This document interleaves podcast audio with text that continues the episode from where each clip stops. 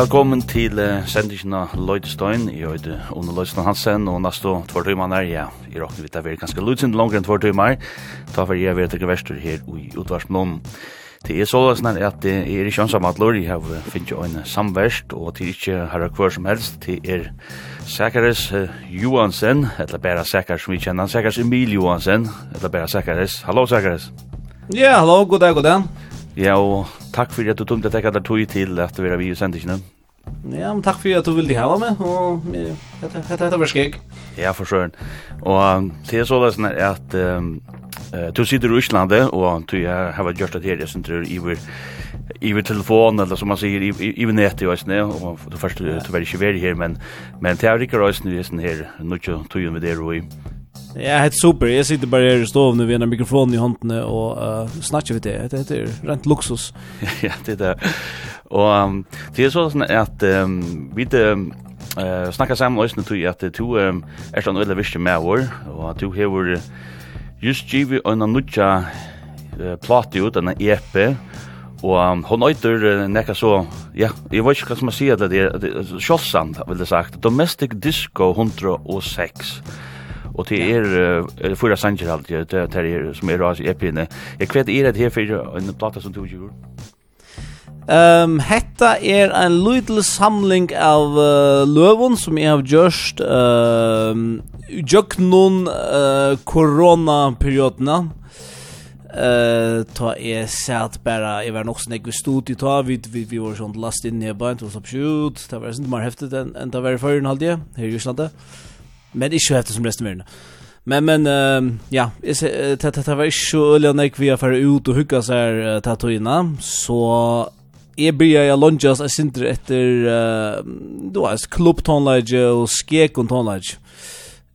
Jag fänger mig så at uh, jeg jag etter efter seriøsen seriösen og jeg har alltid ödleverat lustar etter öliga seriøsen tonlage akkurat då. Det var så hårt poplistan i vår fotler av öl introspektiv uh, introspektiv uh, jubo musikje.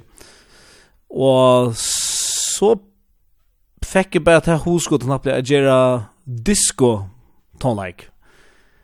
Jeg hørte et le fra Kylie Minogue som heter Magic, og til lea jeg uh, rakte meg akkurat akkurat da. Det er, det sånn reale fight house disco le som uh, uh, att jag hörde att Lucas med vakna i åter bara och jag säger så här bröd ner på inte och bara ah ja det här hette det som jag jag manglar men löv nu en gå att det är skek och det är det är uh, optimistiskt och jag hodla dansa och sånt allt. Så till läge fick mig ordentlig gång. ta första jag säger, detta tempo i sån land är perfekt. Det är akkurat den rätta rytmen Så tog simpelthen og kanna i kvært uh, BPM var av sannsjonen, altså beats per minute, til det som vi brukar mata uh, gosse kjøtt et leir. Og så fann jeg at ta BPM var 106 takter om minutten, og så så så så jeg for SNG et leir, som er 106 BPM. Og det gjør det så, det tjekker det vel, og så sa jeg, hva skal jeg, jeg vil gjøre meira i sånn her. Jeg, jeg føler at jeg har ikke ordentlig utforska etter BPM, noen jeg, Og så blei bara vi, og så gjorde jeg fyra lø i hesten her BPM nå. Så, så kom bare huskom, hva skal jeg, for bare gjøre et, et, et lydig konsept uh, mini-album her bare. Her alt er i 106 BPM. Og til tog det er, ja, 106, men så er det domestic disco, det er, ja, det ble så det at, at, at temaet ble, um, ble til, kan man si, ja, en skon domestic life, jeg, jeg vet ikke om det er, omsettes til borgerlige løyve, eller hva. Men ja. ja, domestic, det er til, du vet, alt det her som, ja, heima, hus og, og, og, og, og familie og, og arbeid, og, du vet, det er, det er nøye tingene, kan man si, eller det er som man streber etter. Så det var det. Ja, at her er nok så over det som jeg har lagt mest til, det som går på sjures i koronatøyene, var nemlig akkurat som du sier, at fyrstene var det ganske øyelig introvert, og uh, alle var slitt ganske, og folk, ja, man visste kjørlig kan vi heter i fjord, og det avspekler jo ikke det som tøvnlager som så du, og søtter halte gjørt, og det gav vi ut, og det var ganske nok snakk det som det gav vi ut, at det var nok så alvorlig. Men så akkurat som, så, så det som kom så i 17 enda, og her, her, her er vi nekk av oss nær, at uh, tøvnlager folk har sagt jag vill bara göra också mer sånt uppbit jag vill ut och dansa och också för folk ut och dansa Ja, nämligen. Men det tar var bokstavligt inte det affära att spela musiken, så det att man man gör det tone like vi vi tog ju hoa att spela det live on Kristanne. Det det det blir ofta göra. Men nu är det bara nej vi fast vi vi har inte det spela det nu så. Så det blev alltid synd mer mer här. Alltså det var att toppen hon var var Billie Eilish alltså då är så och och är är så är alternativ pop så mist pop eh så som dominerar ja.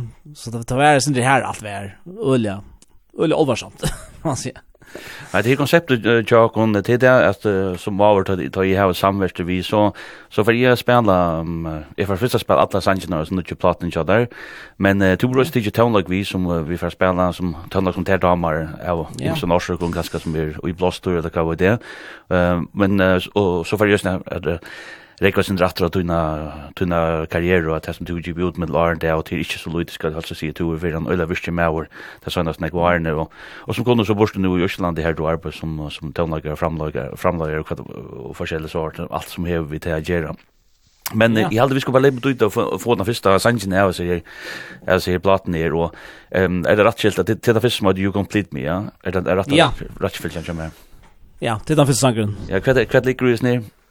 Eh, uh, det första läget gjorde ta ta som var inspirerad av Kylie Minogue och eh uh, gjorde bara att lä och och så ber jag synja och så ber jag knappt det första som var munnen som var wife and kids and house and vast.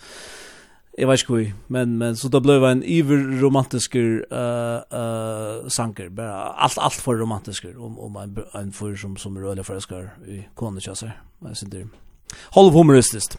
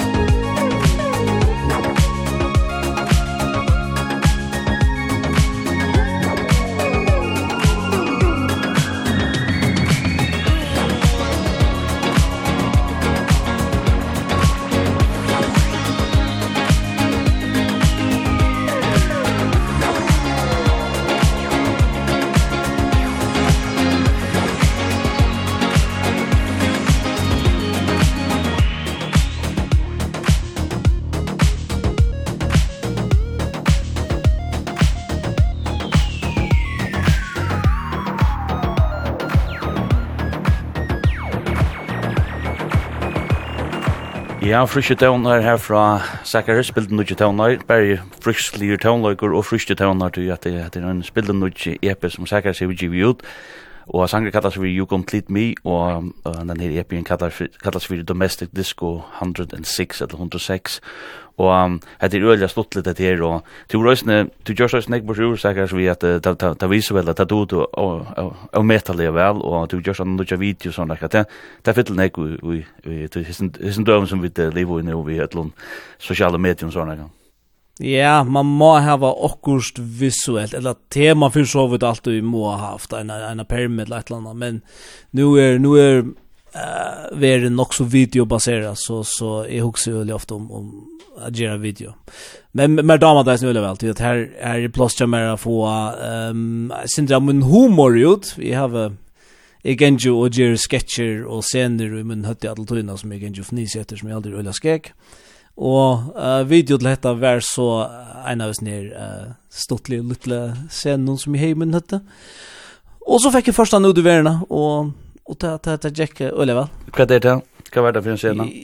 Ja, videolei var, det som jeg hei i høtten var bare, og som kom av filmen sin her, Det var... Uh, Uh, bara en, en ein som stender vi uh, konu tjasser, og bøkstavlig så er konan i broarkjola sjående til eh så jeg ser en kona ut ett ladvis en wife där så kona eh så jeg ser en en kona ut i hans her eh fantasi och så hör han nästan ett bad. då är han han är baden och kona och till att det lyckas som en rymlig barnslig mynd av gosse te hever och så ständer han här och dansar disco medan uh, konan ser ut som hon faktiskt ordentligt till stier eh medan han är allt allt allt för förälskar. Eh Det var konceptet. Ja, och det är öliga väl skulle helst se en stortlig video som är vi vem alla falska jag för det att hejja efter hon fanns hon sas då in som plattform som då heter.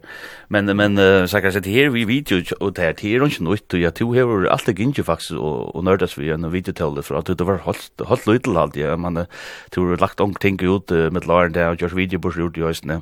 Jag vet inte hur gammal du är men du tror alltid just näck vi till och du alltid då där väl. Ja, eh pappa åtte ett ett lite band eh video. Og jeg og vimmeren som er Janus Rasmussen, som er som bor i Øslande, og fast i musikkjæsene vi, vi vokser opp sammen, og vi platte at, um, at filma nok sånn jeg, og bare gjør at det dummeste filmene vi uh, i røver klarer av at, at, at, at uimend dere. Og her, er her utrolig, utrolig, uh, utrolig flatt materiale uh, fra tøytøyene, Og Janus var så atter i fyrju nu, og ta vissi at foreldrene John høtte digitalisera det gamle bondene Jokon, og vi fink så sutt okkur at du, og her var bare rent gull.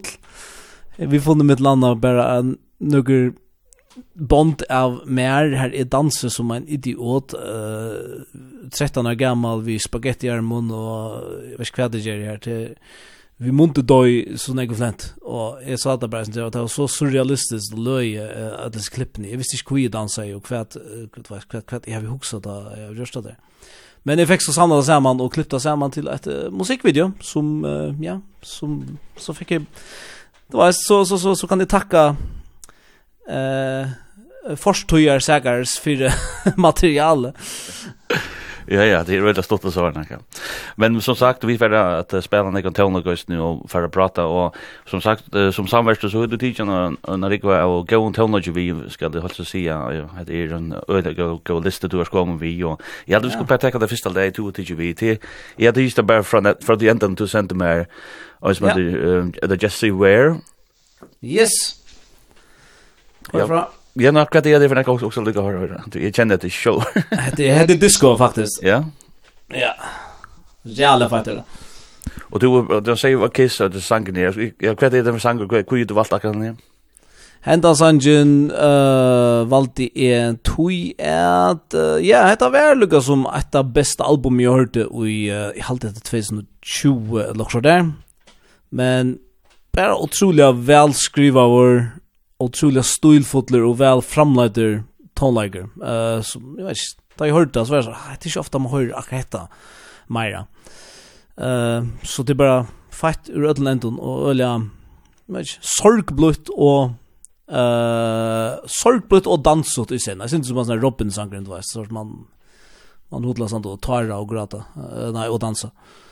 Det är det bästa. Så jag var kiss och det sangen här och till Jesse Ware som framför.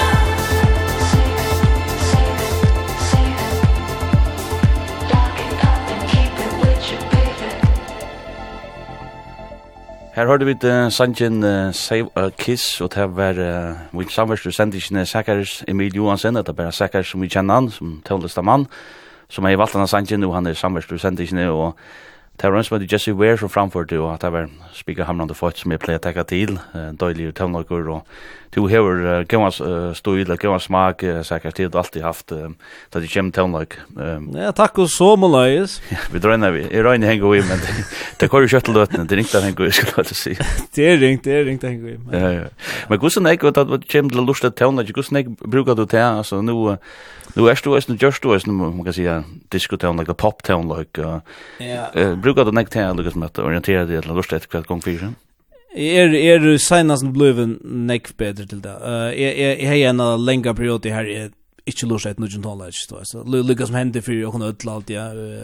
Onkel du luven At vi lukka som henga og i tog som vi hørte tar vi våre vast 20 mitt og 20 aktet og så.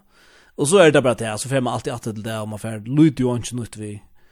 Uh, Jeg var enda av sin där men men så valgte jeg bevisst att att färra och bara vad ska börja lusta etter, lusta det spännande tonage att lusta etter hva nytt kvart är Og och Och terror så. Vi vi hjelper av Imson Milona net någon här är suger og och Youtube kanaler här man kan få forskjellige uh, Eh uh, och ja så jag tar så lustigt faktiskt ett en album med query för jag kan till arbets ett nytt album. Alltså ett nytt album som inte hörs för det alltså en gott lust en gammal klassiker som jag alltid hörst för ja? så till dömes lust i efter uh, Miles Davis Bitches Brew ta det senast han bara att han för att vi har bara nice men bara också mycket hörs för så så kan jag till akkurat 34 minuter gånger arbete så vi finns ett helt en hela platta vi Jeg går sier at det løyver tjater ui rettja vik, altså tu Josh nek framløy nek antan løyk og Josh Sjolver, går sier at det løyver tjater hva råkast det vi? Tu er råkist 100% vi tåla, ikke? Det det som jeg har finnes vi nu i, ja, jeg alltid det åtta år halde jeg, professioneller musikere, og det er, er en livande, og um, det som jeg gjør her er Jeg og en vimmer har stått i hebbeint, og vi få så i mye prosjekter, med vimmer eller kollegiet, han er utrolig god til å finne prosjekter til jeg ikke, jeg er ikke, er ikke så øyla nekk ute og, og, og møte følelses nere ved meg, han, han er ute i det heila og fer fer bare, så kommer alltid vi omkring noen prosjekt, og han finnes noen rymlig stor og god prosjekt reisende, um, og det har vi så just nu en tog, og det har vi lukkar som får våra livbrei. Og så er Benek vi, ja, Janus Eisne, som er, som er bant, altså han er rumet vi synar og han er bant i studion. Jeg går i sinne bant, Fader? Jeg synes vimmer som er Tom Haney, han, uh, han var fyrir enn fyrir, vi spalte G, vi, vi er en akkurat lilla boyband-prosjektet som vi tar, uh, som heter Bonsayan. Uh, ja, men uh, fit for, Brete, jag vet inte, jag har inte något ja. ja, super, men det är det är viktigt att att alltså som du säger att att typ att det komplementerar kan annan väl här. Du är ganska han han den utgängade och och du är ganska den inadvänd. Och så är det viktigt det här var en sån uh, en person som komplementerar på till du vet. Da man ikke selv er, er så eller går til networking, ja, Det, til til til fjöld, altså det er nøkker folk orsker ikke networka og møte folk, i mye andre ånder som uh, uh, elsker det, og er veldig god til det. Jeg, jeg, jeg, som jeg også har sagt, hvordan er det i Østlandet at skulle livet til noe, er det, altså, ber det vel til, eller er det her hardt Det ber faktisk rettelig vel til, uh, tog at her er ikke så høyt loftet vi har møta uh, folk som um, du veist, folk som er uh, rettelig kjent og er rettelig da, du møter Taimon rettelig nevnt, særlig hvis du er som uh, vimmeren kommer her. Og, og så tann veien koma så uh, jobbmøleger ofta, at bara man dömes så producerar vi ett album bara nu är Janus så Tom vi var trudger producer og sangskriver fyra uh, en dame som er, uh, hon er en influencer og hon hever rymliga stora fylkiskare, og det var et også veldig godt prosjekt, og det albumet kommer så utsett nu i år, uh, og det var, det var, det var et, et rymliga high profile projekt som bara vi som man bara kan få i en ganska liten samfälle här man faktiskt kommer att känna hese följande rymliga nämnt sin som i färgen här man, man, man kan sitta eh, du vet man sitter vid sunnar i hetje så om så av cirkus kan man till Akkurat. Vi skulle höra att lära trätt att du när nu EP och titta små det wifi och Och det här är det en konceptet alltid du säger att det är you complete me wifi boy att det med landa sanction och 2023. Ja. Detta var eh jag också jag pröva för först för när jag kan det göra bara att att rent diska koncept och jag någon så för jag sen Så tar hänga samman så textmässiga eh att att den första sanken är är you complete me. Här han är Ulla Fäskar som förrän och så är det nästa läge som heter Wifi här och man ser några rumliga awesome eh några rumla osunnar likear ui ui hansara kärleika. Ehm um, Harry han blir små desperater. Eh här är det affär affär sen en twist. Så ja, checka det ut. Wifey. I've got something to say. Let's go.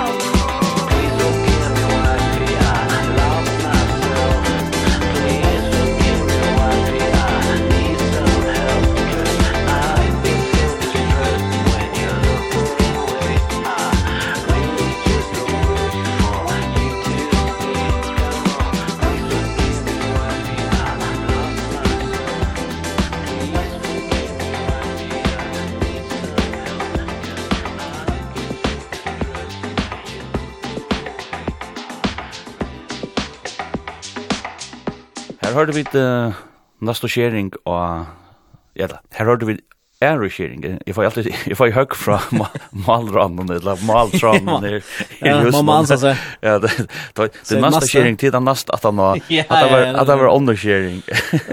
Så jeg røyner verkligen i kjemper vi etter her, så så det er lort der ute til som jeg var maltrannen, så jeg røyner verkligen Det var under sharing av Nudjo Platninja Sakaris, som heter Domestic Disco 106, og sangre kallas for Wi-Fi, og sikkert han er min samverstur i sendtisene, og til er og så er det gledeligt, og det vi sikkert, til er alltid fornøyelse at prata vitt det, og og og høyrra kat til Rokas vi og snu kat katt det gruis ni nú project nú der men men du du nevnte det vi at du arbeider i Island her du bor nei kvar at og jeg gus lunch du vera i rekne Nu har vi vera eh beno Sejan 2000 Sejan alltså jag och vidare ja, vad ska jag säga, det Uh, sex år? Ja, sex år. Det føles som jag har flottat men, men ja, till, till, till sex år sko. Ja. Og, og hvordan vet jeg at jeg kan ta fete, altså førjen og æsne, bare jeg satsa på at håndlagen, du var kanskje byrja litt sin Arne først? Ja, jeg var byrja å satsa på at håndlagen en tvei år og arne flotte, men uh, at jeg fete, det var bara altså jeg har med vimma Jano som har bo her, så jeg, uh, jeg vet ikke nær, 2000 åtta eller nutje eller tjej, jeg minns ikke. Han er ved Real Lange, i hvert fall. Og han hever rønt å lokka mer til i iver 20 år, i hvert fall. Han ble vi å skriva til min, og så jeg bare, det her, det skjer, det her, det er sånn ikke møllegger. Men jeg ble så via Køyra i, i Førjun, som er fantastisk eisne. Selv du ikke bilar, eller også? Du er ikke jo, jo, jo, jeg biler du skulle selge. Selv, jeg selte uh, eikalloter til biler. Jeg arbeidde i Rangers. Det var, det var goda tøyer, ja. Yeah. Så jag har selt oljefilter och dekk och, og allt det i rymda lenge tog. Uh, men men så så så ja han blev vi att skriva att var först år i kvarfall ja när jag till Ryssland så så han han bla, han klarade sig väl i Ryssland han han blev var kämpestor och fick uh, några stora projekt och så bara det är fantastiskt bara kom nu jag bara ja ja jag ska jag kommer ända för och jag blev bara vi att så helt av fram i, i uh, Reinservice och Jordan Syndrome sitter där Er det er det for er det for trick det för dig? Man inte vill släppa då. Eh, jo, ta vær kom här till jag synte alltid att att ta vær blev jag för trick för mig akkurat jag har aldrig nog varit akkurat Det var säkert att han tog in här i skulle være så trykker eh ta midt i tjunon du vet. Det ska man ju være ute och pröva det som man pröva som drømmer Så ja, jeg fann så där at att att eh Rain Service var dejligt men uh, nu nu nu att jag färra satsa 100% på detta tinge som jag eh finns vi alltså inne. Och ja, så tog bara det skulle Liano säga vad ska nu kommer jag äntligen att nå touchar nu nu nu får jag prova. och så kommer ja. Och är det är det tro på att etablera sig i eller det nämnt du Richard Wick hur hur upplevde du det? Det är uh, nästan akkurat som i förrjun. Här är uh, du känner en, hes hesner känner trutja personer, och så känner du dig, och så är du så så, så är du bara ett nätverk av, av folk som du hälsar av göten. Det är, bara, det är lite, lika som det. Och det, det är ett av de ting som är, damer, öliga, öliga väl vi, vi är Ja. uh, som sagt så så hevur du stigjana rikva uh, spennandi tónleiki vi og den næsta tiden so ni blir blei det ta fyrir Lloydstone Darling til en ein tónleiki kvinna sum eg spalt øra neikt so at Arne, eller so Arne til Jola.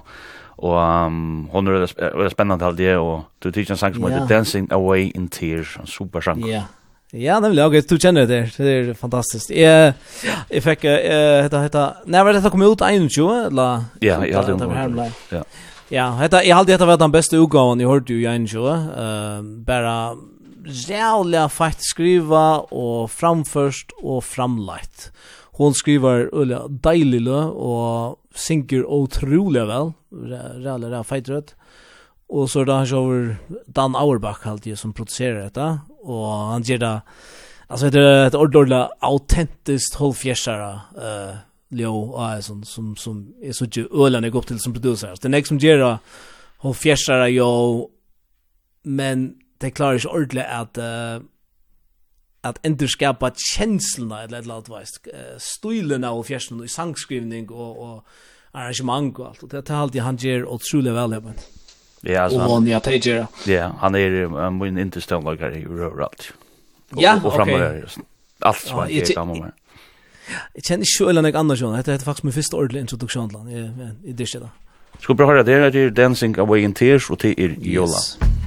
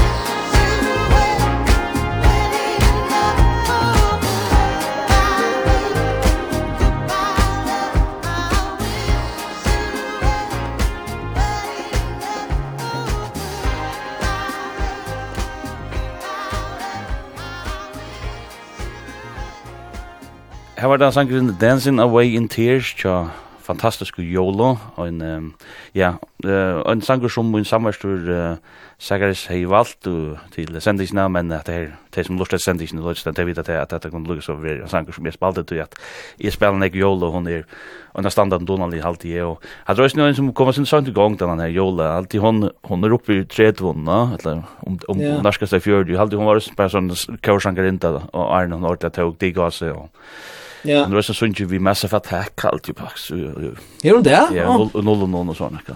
Okej, tar sig jag vet slut. Nej, nej, jag jag pura nu ju men där. Ja, ja, det är det som är. Vad det är ens mer det ska några grejer sånt så. Men super super väl där. Och vi snackar oss syndromet dröm där säkert att du sitter du rätt jag här du borst och arbetar som tonlager och framlager framlagare och og at det er livet som er her ivrig, og til tross om at det var, det var minst synder om, om, om farger, det kom i gang der ivrig, men, men hver, hver, hvordan skil til seg bors jord uh, imot til farger, hvis du hukser om, tar møvlegar som er her, og i Reykjavik og Island ja, særlig Reykjavik, ja. Hvordan skil til seg bors jord, hva gjør det, altså, som kanskje ikke vi mangler? Uh, well, det som mm, vi tar vi rett av og som manglar i fyrjon er, altså det er bara noen ting som man sjåla kan gjøre oss nek vi, og det er bara det at her er flere eio og Íslande, og det er lukka som uh, det er sindi meira så er internationalt forbundet, ja, her, her, her er flere uh, her er flere folk som fyrir seg river, og her er flere um, uh, her, her er rattla negur ahue fra, kan man si, internasjonale musikkpressene, og bæra i røver, uh, ja, bæra som heilt fyrir Russland. Og så er det eisne, um, autogjast at steg er større, så er det uh, større prosjekter her beint, altså jeg sier nekve filmsprosjekter, og nekve um, uh,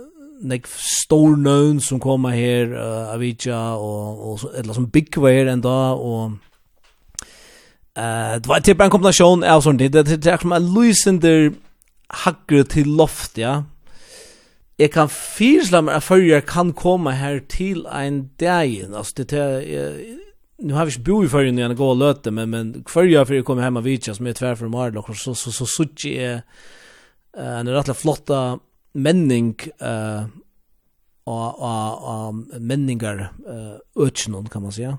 Nei, men ikke menningar, mentanar økjennom. Hette det bygg var jo i Øsland, man blir seg menning. Ja, ja.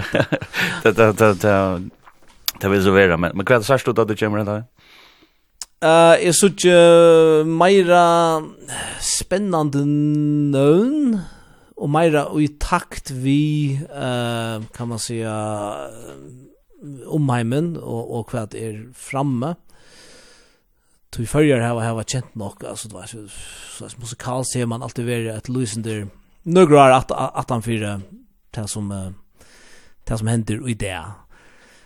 Og nu følger vi det nek narre vi uh, uh, narre vi samtøyen allt ja. Uh, og Ja, det er så ju och och alltså Eisen bara eh og, og, och och tilltök her, her er väl för jo nu om jol nu her var et tilltag också mentan tilltag var kun en så där med var her alltid og det er uh, otroliga ja imponerande. Så det har plattat ju være, Så ja, sånne ting, gammal man ser bare at det det det utvikler seg rett og slett. Vi uh, skulle spela spela tonlag till att uh, ta så att då vi på i olika mat men um, vi kommer till och sang till så den tredje skeringen alltså här. Nu ju EP in the chat där som motor och det sanger som motor Boy. Ehm då tar sig om det konceptet. Det var så för lunch vad kan ligger ju snä sanns någon Hetta lei her er så ja ja han sungum kona just nu synger han om sonen og det er sin ein sån Det synd det kan som att han mest allvarsamme och och och EP:n. Här är han han chef vi kan loser av till sonen men eisne, eisne, eh kan man säga poinest jeg synd det att hur att han är enda sonen men lukka mig god snäck du vilt så for veren att eh lukka som uh, teka sonen till sin och bröta han og hava input och och Du vet, och det kan stå som, som papi ikke gjør sånn vi. Nej det kan man ikke. Nei. Han kommer her, bye.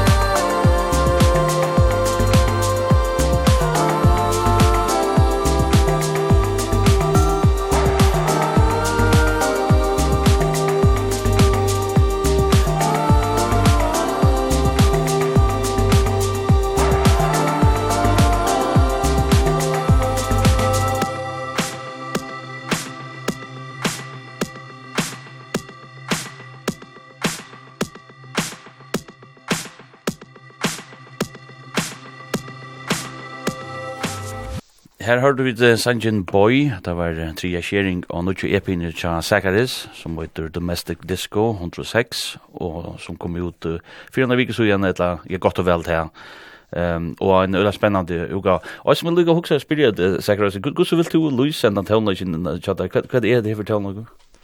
Eh hetta sista lei vil de nok lust som bara nok så klassiskt house, nok så 50 lit. Ehm Og hit hinebæg er meira i disco uh, at den alt. Um, og det er rymla bevoist det som uh, jeg har uh, sikt etter vi, vi, vi akkurat disse erpene. Så ja, det er helt løgn er det, men, men du veist, er, er, er det hele rent uh, genremessig. Mm.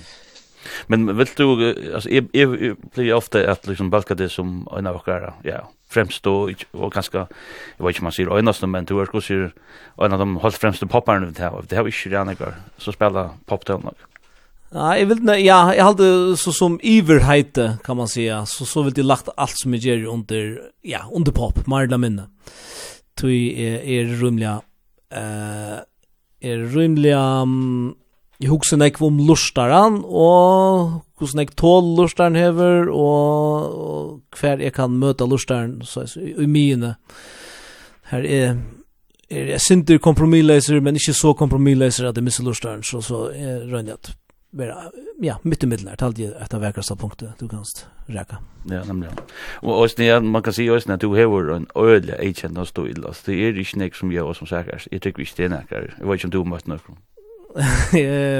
ja, jag jag jag har i alla fall valt att eller jag vet att jag jag har ett ett jo och ehm och så har jag bara valt att att bara vara bara vara 100% i själver och och satsa på det jo. Så så vis vis man gör det lugg kvar man är och kvar ju fält man arbetar vis vis så just här bara bara 100% först ner ut i självan och och och gör det som eh det som är här. Så just här kompromisslöst så så första det är också spännande och som är avvärst också. Ja. Och där ser ju bara nu bara att när jag snackar om att det är Jerry kompromisser vi lustar men men vad ja Det är på en balans. Absolut. Men det är ju också också om du nämnt alltså själv Jan i samband vi då så om video och såna grejer så det det är alltid någon också humor eller så när eller är det rätt skilt? Ja, ja, eh eh eh arbetar mer och mer av humor jag funnit ut att är är ju alla glavar för humor och och till att rymda ehm um, stärsk grammatik som är att att uttrycka med och eh uh, och till till en Jeg rønner jeg har kontrast eisen i middelen eh i løven noen ofta. Jeg har ofta, et som jeg gjør ofta er at jeg har rymlig ljósan tonleik, at alt jo er veldig optimistisk og, og, og ljøst og, og till alla nästa som halt att att tonlägen som gör ölla glaver han är ölla peppar ölla glaver och och till till resten Atlanten men men jag vill läsa hade så så visst du läser texten så så så är tonlägen inte akkurat så glaver till att är rumla pessimistiska och negativa och och neurotiska i texten Och sen lurar de det skulle sjunga det samma. Ja, till det. Ja, man är man är sin där kvar alltid. Och det Ja, ja men men men då väl ska på tant tant han kursas. Ja ja, jo tant tant han är han har hållt tydlig och här är noll botten och just det som du gör själv om som du ser till till också måla för ladan den också markant åt på till nästa det just det du gör videor såna kan man så har du alltid den ja. Till till en intressant kontrast du. Ja, kvar för runda expressiva på kromat bara också. Ja. Du för tänka sank som du har kom vi och du har valt ännu en sån en Lloydstone darling till. Ja, jag bara rakt jackpot. Du har rätt ordentligt jackpot, men så kommer sådana komma ting som som jag inte har hört för. Jag har så helt inte hört av första sank du går vi, men Caroline Polachek hon är verkligen verkligen verkligen donande och och avvärt alltså. Ja, fantastisk. Och och detta läge här är är så otroligt elegant och väl skriva och väl framlagt att det är det som vi helt innan men men Her er sånn utrolig flott elegans i Island, hvordan det er, jeg vet ikke, det er også vegna at det er så øyla mildt dette lei, og til realia, her, her er det ikke ordentligt dropp, og ikke, ikke bankande nile eller noe, alt, alt. Men allikevel er det, man er jo totalt hodla dansa litt, og, og Kan kan man ta som att alltså att till minna ganska lutsyndrom kan annan test med det arbete vi hon är rörliga och pop och på några mata men det rörliga sån är jag vet inte man ska säga det eller Ja, ja, det är popper pop, popper vi vi döpt alltså. Det Ja, ja, nämligen, nämligen. Eh, uh, jo och jag hade man kan säga man börjar ju tro det att alltså alltså hon är uh, själv producera Lucas med att att det var det bra att en mans eh uh, fyrtöka kan man säga. Och ta ja, ta blev det ofta så eller personligt Lucas med det. Eh uh, Så jo jo, jag jag jag jag jag jag jag speklar mer sen du säger. Ja, och och han stod stod till höjde sanction so hot you're hurting my feelings. Ja. Fantastiskt. Yes. I'm here.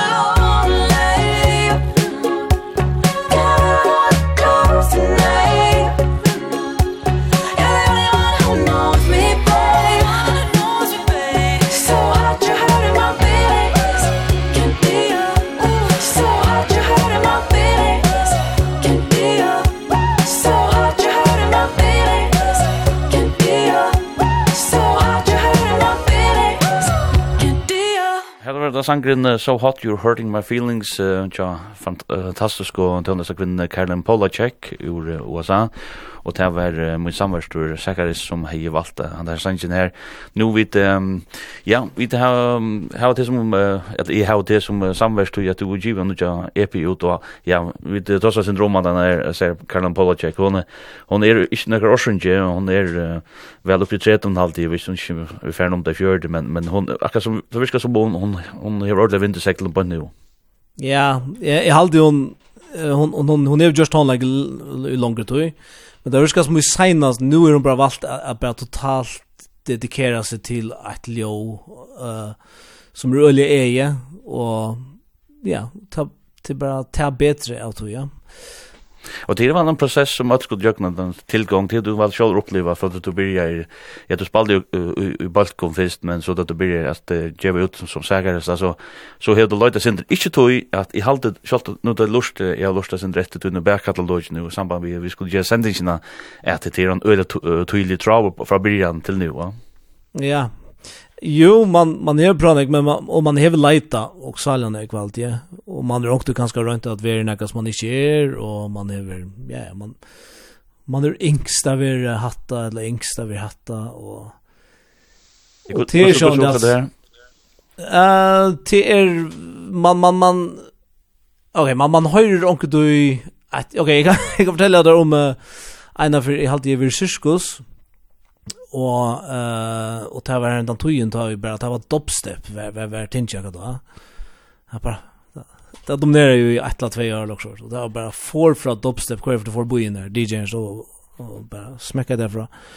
Och jag minns jag hörde det och jag bara det är otroligt. jag helt det var fantastiskt i början det bara wow, det hände så otroligt när vet så harst och brutalt och och ta huxa i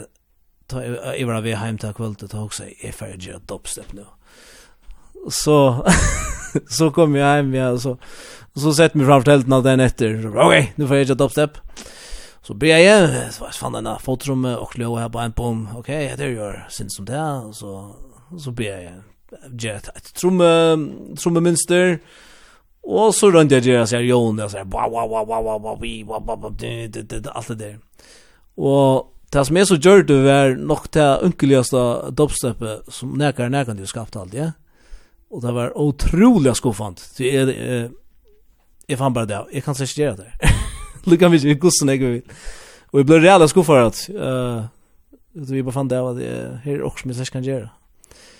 Jeg var sånn arrogant røren og, og helt at jeg, ja, ja, ja, ja, ja, ja, ja, ja, ja, hatta, ja, hatta, hatta, hatta, hatta, hatta, hatta, hatta, hatta, hatta, hatta, hatta, hatta, Og ja, det er sånn tema enn vi, vi er man innstyrt, veis, og man hører okkur som er feit, og så, så, ah, jeg vil gjøre det her, men så kan det bare vise seg at du, du, du, det er aldri mer meningen at du skal gjøre det her, ja.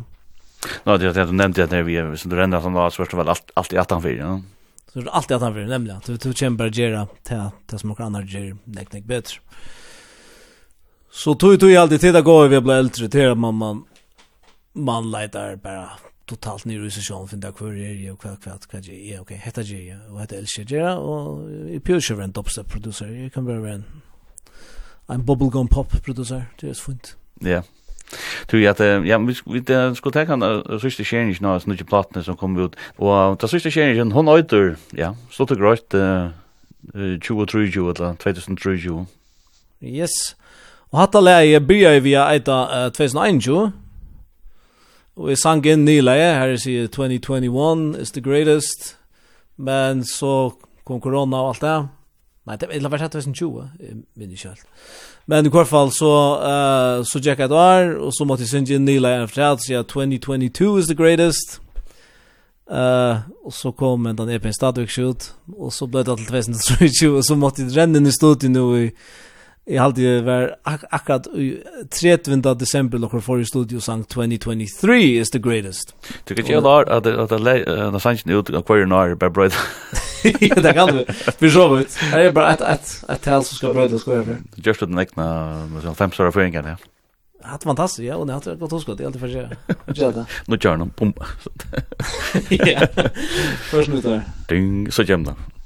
Ja. Ja, men uh, vet du, for å høre det her um, 2023, um, leie er under 20 EP-en i Tja Sakkerets, som heter The Domestic Disco 106.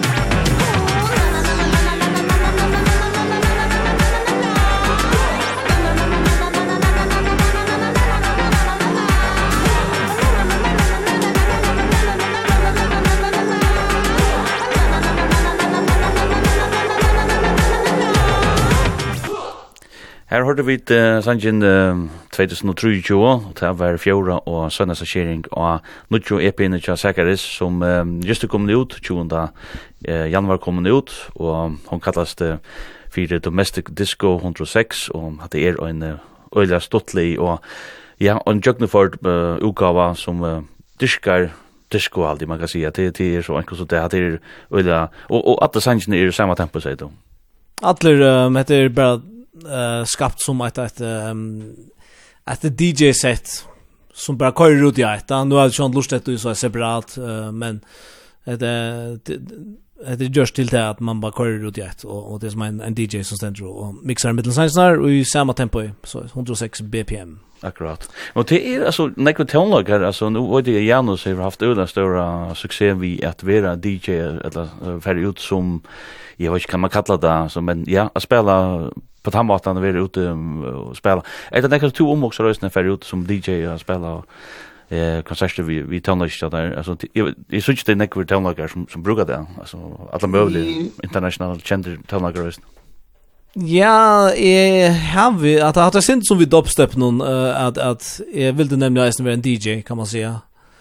Men det er vært spørsmål, jeg er ikke en DJ. Hva er det som gjør at du ikke er stå hjemme og sier? Jeg er bare... Jeg er bare ikke ui akkurat hans skjen, og jeg har ikke hatt av joe, og jeg er ikke helt så interesseret av Riasen Jon, og det var det som er det. Det krever også at du fyller ut, og man, altså, det krever også at her interaksjonen er rullet området ut. Ja, ja, ja, ja, ja, ja, alla så rörslar man ska göra och ja och bara spela klockan lost om natten och allt det där. Ikke det, jeg, jeg kunne tanke på det, men jeg, jeg bare gjerne ville funnet min eh, egna mat å gjøre det. Så det kan ikke være så klubbet akkurat, det kunne være sånn bare, du vet. Det må ikke være så seriøst, det må være sånn fjollet. Det kan, kan också att den här EPN är sån där och någon sån kanske en plattform till det, eller? Ja, møvelig, etter bare, etter bare fyrir løs, så så spurningar om jeg får gjøre mer av det, men til eh får ikke gjøre noe sort her but nå after men nei jeg vet det er ikke akkurat i korsen bare nu over DJ jeg er er en pop pop sanger så ta ta fer bare på ja ja. Men nu är det gjort en, en EP om som handlar om uh, vuxna liv, om blir gifter och få böten och sådana. Jag går så ser det ut att här. ja, när det är ta skräcka vi oss ner och vi är som vitjan och, och vi är som länder där, you complete me till, jag syns om jag var kone och böten och hus och bil och tänkte det att det är allt, allt, allting som jag inte har. det. Och till till det kom ska vitte det är inte sån sån obig. De arbetar som tog Josh nu alltså det är helt inte nämnast alltså vad stod alltså det är väldigt intensivt ofta det ser produktioner och såna kan du går.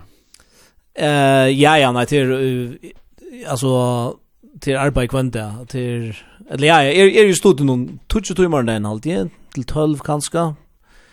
Så vi färdig ut där klockan 8 och är som regel hemma ja om så 6 timmar eller så. Så det är bara att det är till Luleå nu. Ja. Men du är allt allt det som jag känt i och det jag jag minns att tror och det sitter jag och morgonball det här du sitter och mixas vid tältena sån där till väst nästan alla någon gång faktiskt. Om det är morgonball det är så sitter du och mixas vi också. Hvis inspirationen kommer då så så man gör det. Eh till ja men hon ska komma. Det kommer komma när som helst. Eh uh, och ta man allt för klar vi vid när antingen en tält i ett telefon och bara smäcka den ner. Så jo jo man, man har aldrig fri från det. Ja, hur ska du då det kommer till så? Ehm är de flesta huskotten är fai är bara egentligen spasera av onkel Sande och så knappliga kommer en idé jag hade jamar bara onkel dum linja bara du vet som som uh, som knappliga sätter sig fasta ordliga bara og så også hända linjen i forgo, jeg må ikke glemme det, jeg må virkelig inte glömma det, och telefonen, og och synja inn, en ulike klass och litt lilla versionen där du, og, Och så som regel da jeg möte i studiet så så fer jeg uh, simpelthen åpne öppna telefonen jammer och og, og, hittar okej okay, vad är vi nå, då så så är det som regel en 20 till 15 till 20 lilla ideer som ligger her, så öppnar jag också så vi vi tar om uh, till halt och ut eller ikke. Er det år som måste sätta gång till sånt ting eller är det år alltså linjer av sättningar eller eller det melodis strofer eller bäj vad är det? Det är öle ofta setningar för mig. Eh jag kan ju spela vid dumma setningar men hört i alla tunna. Och det är några setningar så rytmiskt eh, intressanter och eller avhörder. Eh rytmiskt avhörder och och uh, kan man säga inhaltsliga avhörder att att uh, det här räcker bara plätt. Och det här linjerna, där här komma eh där kommer så regel tar man minst vantade. det. Det är så ordentligt geniala linjer som som är ganska det perfekta nila i eller en perfekt linje att vers. Ja. Simon det är att att vad det kron var det Sangucha Rolling Stones som blev han var han kör Keith Richards vakna i natten och så tänder en bandakran så så kan det var så arnt det kom färdlofon och tänder en bandakran som man lite andra synar att det stannar andra synar och sånt ju och spalte var ska det start mig upp eller det här riff i allt det Ja. Och lägger sig attor och så den vaknar och minns det inte han vaknar men tänder så bandattacken höjer det. Ja, nämligen. Det är kan att du du vet inte allt ut att du gesta. Du vet inte om det är ett fantastiskt oskåd eller inte. Det är du angan i det. Du, du kan skott göra och du helt otroligt gott och så lusar det att na så var det rymna chelet.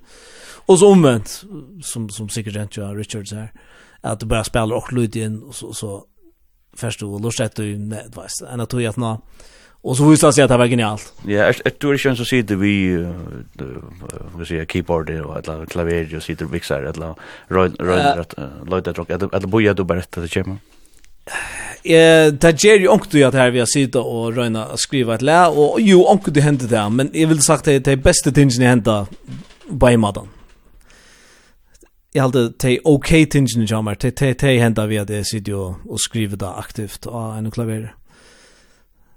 Men vad det här ordlorda fängande te te fängande nylön och ordla fängande linjerna där komma ur långkom. Men men man man, man ska alltid sitta och skriva, det ska man. Det det det bara sangskrivare regel. Det är alltid vi igång vi vi skriva.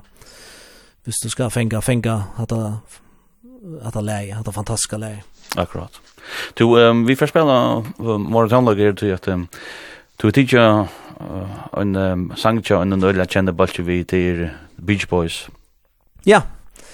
Eh ja, nämligen jag hade Big Sur jag valt det. Ja. Ja, Beach Boys har vi valt det nu till till till bara Ja, kvar jag för vi sport om att spela eh och lära ju jag kan sändning liksom det så där bara Beach Boys det till till Ehm ja, tror jag säga mot uh, absolut favoritorkester, men, men uh, nog ett av som jag har haft mest av ska namn. Ja, vad är det som uh, gör det gott? Her er bara uh, harmoniner, løgene og uh, framleisland er alt uh, så utrolig jeg vet ikke, vekkurst, inneligt og, og, og ja, nærværende kan man si jeg, jeg, du du skulle väl sitt år då men men det är otroligt fantastiskt och Det er også helt, helt særlig i mer som, som ikke nek vannet gjør. Her er vel også en spilleglig som jeg alltid man kanskje har, har rett ut til det. Det er sånn, sånn spilleglig i tøvnløsene. Ja. Ja, det er da nok, og takk for at, at du ser man bare med Beach Boys, men med det er Men jo, til til til nok er nok en stor parstrat. Ja. Vi tar han her, han heter Big Sur, og det er rundt Beach Boys som framfører. Musikk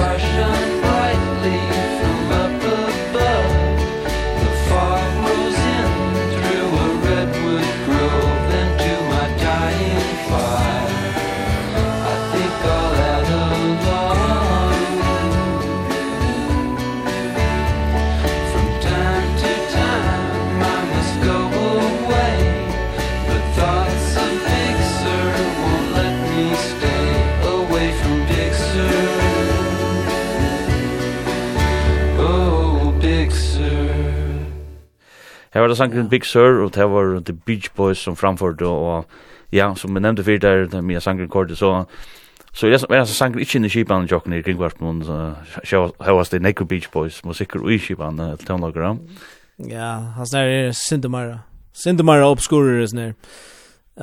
Jeg pleier, jeg tror ikke jeg velja jag jag har spalt Pet Sounds uh, upp och ner uh, sen för ofta så nu nu vill det vara också annat. Super dåligt att uh, pojka ta mig och det tar damer man också faktiskt också väl att man kan ta öle kända backar så finna onkel Jörn som är totalt i en blinda vinkel jag tar som som är rörda gå då.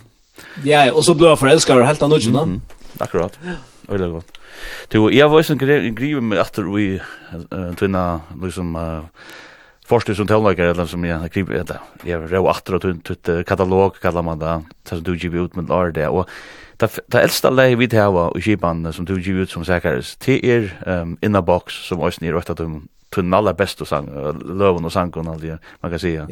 Og jeg også bare tek han som fyrst, så kan han som, at det var en veldig sterk byrjan, altså, hvis det er det fyrsta, noe som, fyrsta singlan 2 og 20 okkon som sækares, så den går en. Ja, Ja, hetta var uh, ja. Jeg jeg jeg vildi det, jeg minnist det ta Georgia til ta ta hetta skulle være mot solo projekt og jeg vil det være øyelig imponerande. Jeg det vildi komme ut gjennom einum breste. Eh uh, så skriver jeg hetta läge her, mer domte det nok vel og så skriver jeg en øyelig shotan ja alltså i sinju reella skötter och och när öllan texter minns dock ultra skriva den her på 2000 år. Ehm um, Ja, eh, hva var det? Jeg le Bodam halte jeg på, da? Til det jag tror med bytte som där bryr vi till Bodam skrev ett landsport om han han var vi på att det var Snake Charmer Johnon. ja det har varit läst men uh, jo detta dette var lugg som det första som som jeg klarer att uh, visa min stil uh, vi her etablerer jeg sin til kvart för att uh, jeg vil det göra Og jeg, jeg, jeg er damer sa det. Det finns läge. Ja, absolut. Ska bare høre det. Jag kommer in a box ja, sikkert. Seven seconds late, I'm about to miss my early train Waiting for a second one, the clock is beating up my brain My briefcase is on fire and it's weighing up a ton And I've got no time for settling, see you later, gotta run And no, you won't get a chance to keep up with me Trails of paperwork will be all that you'll ever see And no, I'm not slowing down for a Saturday You keep up, you're wasting an hour on my way. But ooh, it's alright. Cause I'm gonna put myself in the box tonight. I said ooh, it's alright. Cause I'm gonna put myself in the box tonight. I said ooh, it's alright. Cause I'm gonna put myself in the box tonight.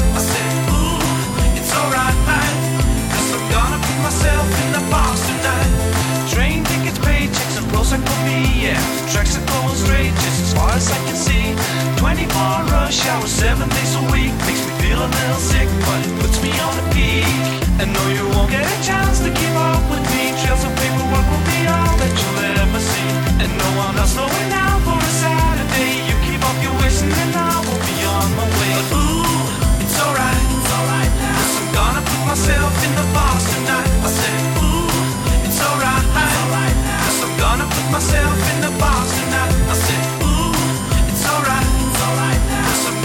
myself in the box And I never say no more. It's alright now. I'm gonna put myself in the box tonight. Seven second silence, little early for the train And it's getting on my nerves, I wanna get back on the lane. Way too many people doing life in slow-mo. While I'm waiting for my ride, oh here it is, I've gotta go. And no, you won't get a chance to keep up with me. Trails of paperwork will be all that you'll ever see? And no I'm not slowing down for a Saturday. You keep up your wishing and now myself in the box tonight I said, come on, it's alright Cause I'm gonna put myself in the box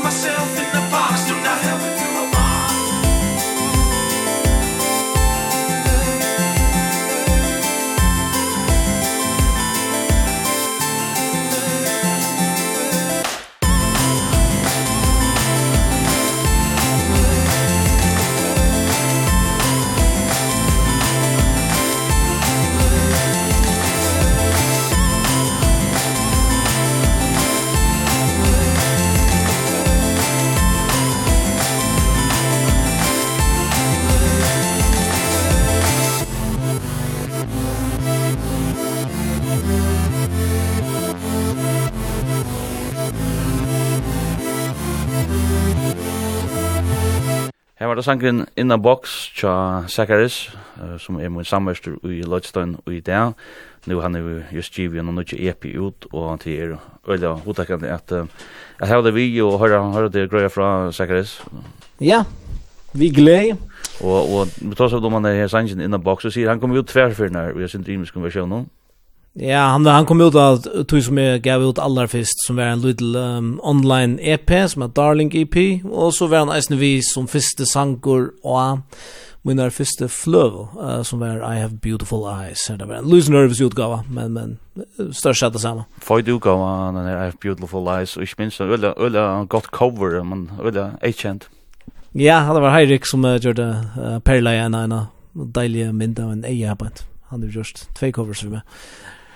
Alltså man lukar och jag som att sport om till hade du kem från tonlistalia till jag vet att jag nu känner det från halt att vi preferar till inne att du spalte vi balkon och såna där som lama si är balkon som två och Janus att samma som en en dålig dålig balkon och det samma vi gör dem. Jag vet jag skulle så bli att du vet listen till lunchen. Eh som halt ehm så var det bara att ha pappmun som uh, de skulle väl att köpa utstyr. Och han köpte så harddisk recorderar och keyboard och eh, allt möjligt som, som bara la hemma till okkon. Han spelade vi. Och jag platt så affär inne här på en Bry om jag släppa spela visst inte. Och ja, det var uh, rent luxus för, för en ungan tonleika och hoa uh, eh, mann. Det jo helt fantastiskt. Ja, ja, ja, er det otroligt. otroligt glad för det. Och så är det bara kors härifrån. Så annars har vi eh, så det är ju Janus som har lyckats som utforska eh, tala examen och, och last last och ting samman eh, jag kan. Det blir vi när som att hi-hat minst det. Ja, nämligen. Det var också det och det är inte en till. Vi kallar också en hi-hat då vi gör gör också samman. Eh, det bara är ju Janus som sålde framför tältet när eh ta så ja, 2000 tvåtsen vi vi forskjellige eh, programmen og plugins og, og rundt jeg gera sånn elektroniska uh, snetian myskan elektroniska uh, talag Og her, her lærte vi ölanek som som är liksom grundarlär för för det som vi börjar göra nu Ja, man kan säga att det börjar och här som det är nu och men så får det lugga i rum och gör det vanliga bulk kan man säga. Ja, nej, men det var alltid drömmen. Det var ens grund vid det kött jag vanliga böck var var till att inte vänner har lov att ha en trumspelare.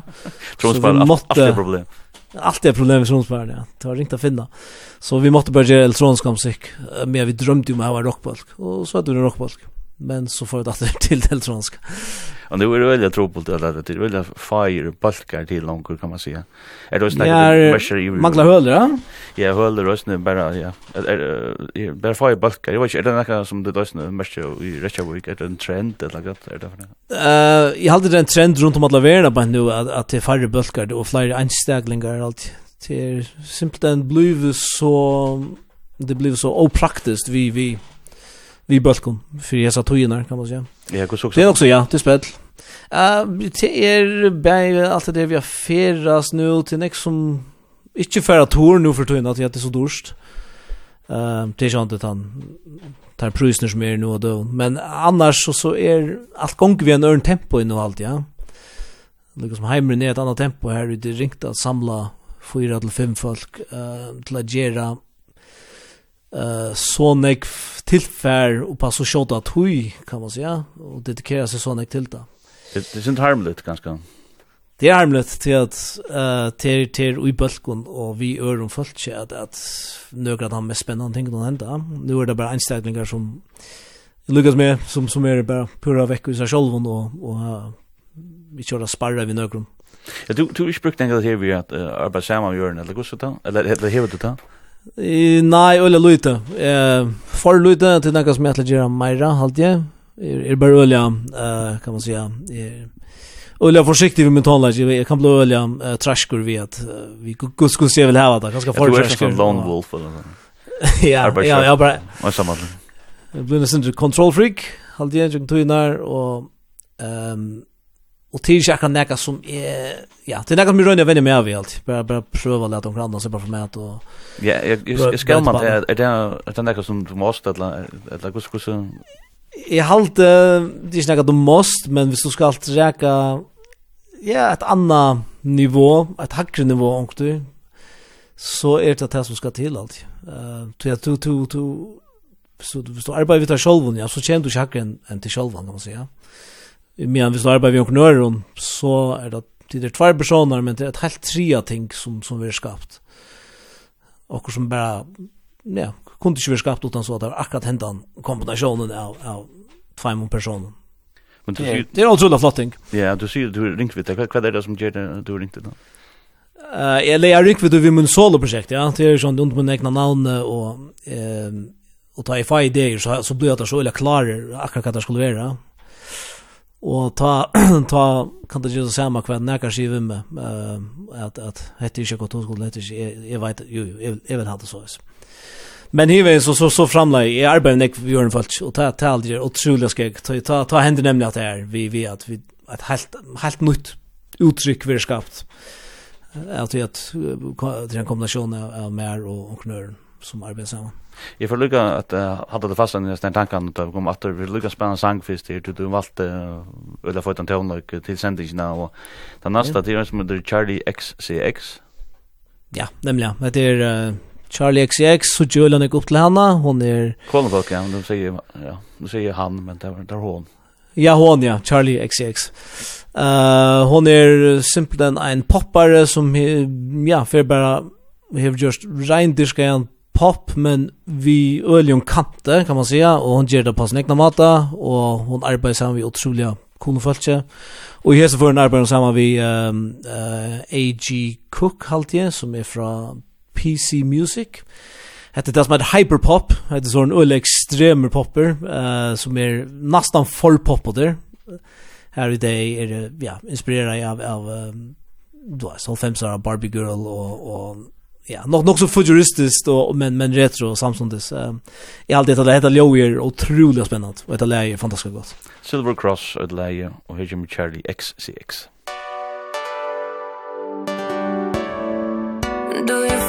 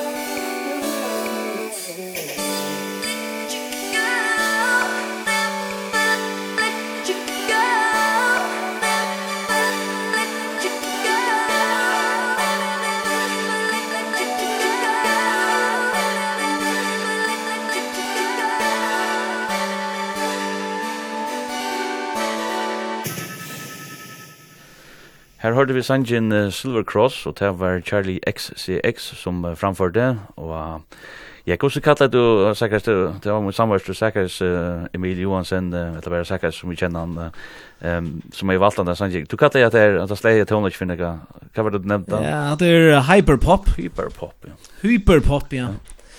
Simpelthen popper som er færen forlengt, kan man si, ja, nok så. Hvis det blir til. ja, hvis det blir til. ja, ja. Det var det så i 15 när vi Barbie Girl, och nämnde du Barbie Girl, det var det var rätt. Ja. Det var din sant. Det var det var ett skritt för länge allt. Det gör sånt. Ehm men det skulle ju hålla det fast i andra tankarna här vid att det här vi tog av om Iron det sätta den sanken igång. Det var det vi framlöjer löjtloten till helt det något intressant. Jag kvätt ehm hvis du ska fortälja folk hur som kanske sker och så till några nörd som vi där men kvätt är det för en en löjtloten eller en uppgåva.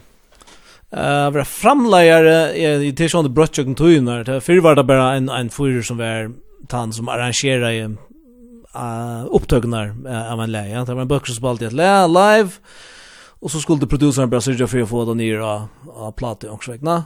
Och så så ja, var han i mini du och anse det var för fikk så för tillfällen som var nye till det.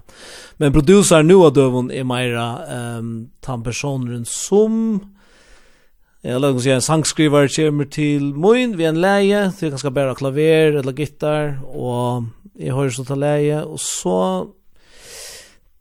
uh, arbeid er så sammen vi hessen tonlageren for at, uh, at uh, kan man si, um, at utjuba leie, sånn der, at, at du vet, at letja trommer, bass, uh, og alt det uh, ljåfører som er nøyo, for uh, at få Sanchez så god som möjligt.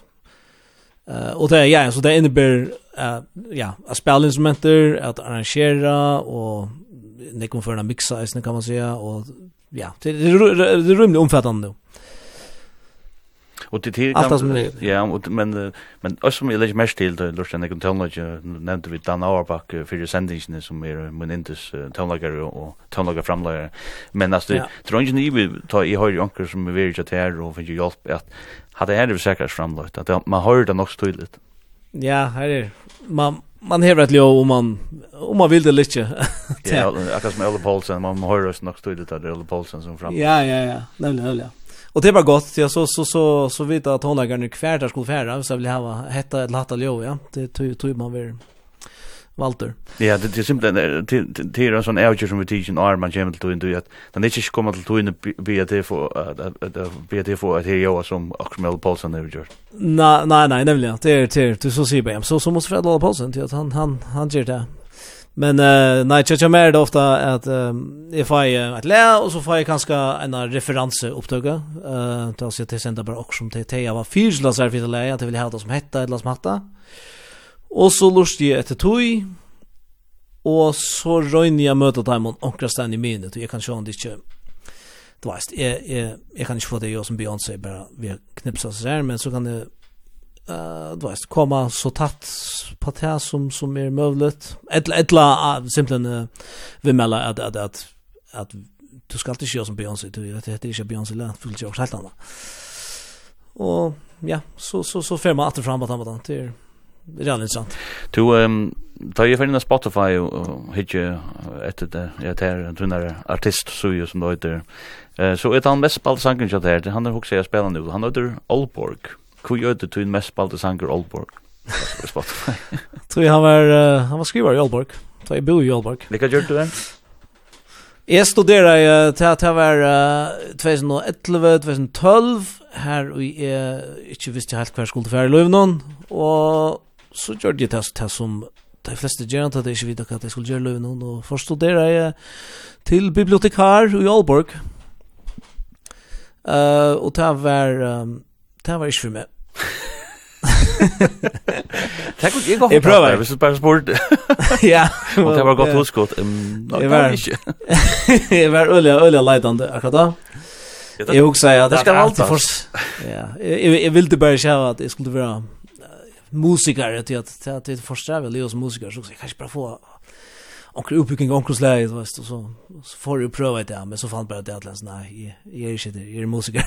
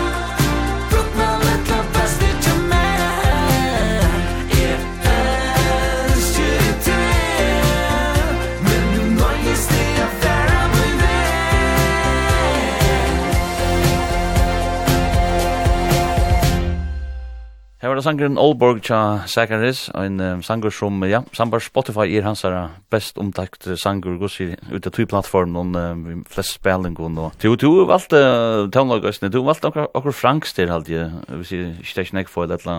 Ja, best banks halde, er det Nat Natalia Lafourcade? Nei, det var som er det, hva er det da? Å, ja, ja, orsaka, ja, det var, ja, Foy Shattertona. Ja, Ja, nemlig. Ehm um, hetta er eisne hetta ja, ta tog med mig välja löt lite här så valde jag bara jag också bara kvar kvar lø har just ett uh, ordentligt intryck av mig senastne og hette så ett av timon som är faktiskt matcher från här der. Tog jag alltid som bara heter det så jävla er flott. Jag skiljer då där sig, ja, det är du frankst. Men uh, musikaliskt er det eh otroliga otroliga flott Og eh uh, det er en bulker va det er fyra fem mann som spelar men det är sån öl elegant och flott uh, producera och läge är är otroligt gott. Älskar det.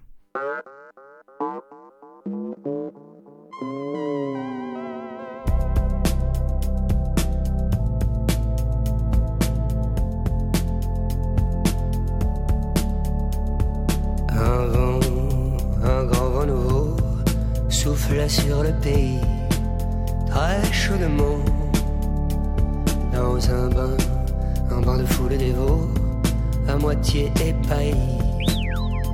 On se mouillait mollement La glace fondait dans les sprites C'était à n'y comprendre à rien Tout le monde se plaignait en ville.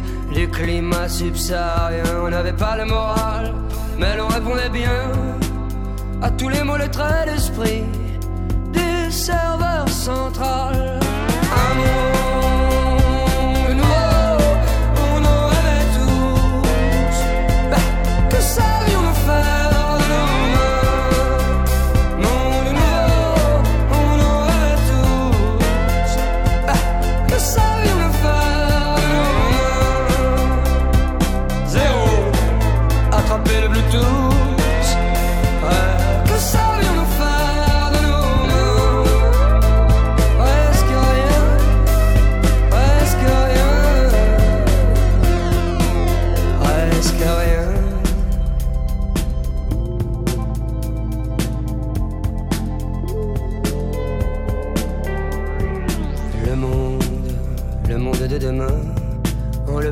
riait tous. Sans n'y comprendre rien. À la loi nouvelle des éléments Qui nous foutaient la frousse. Les poils en même temps. La clarté nous pendait au nez Dans sa vive lumière bleue Nous étions pris, fait cerner L'évidence était sous nos yeux Comme une publicité Qui nous masquait le ciel. Des millions de pixels pleuvaient sur le serveur central un mot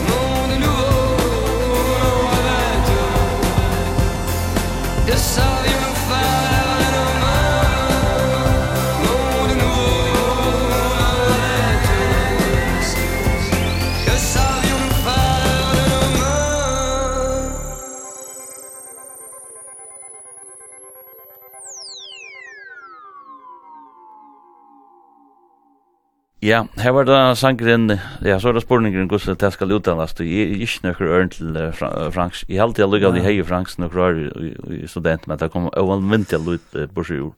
Og månd... Man kan glemme. Ja, nuvevo, nuveva, vevo. Un månd nivå halte jeg.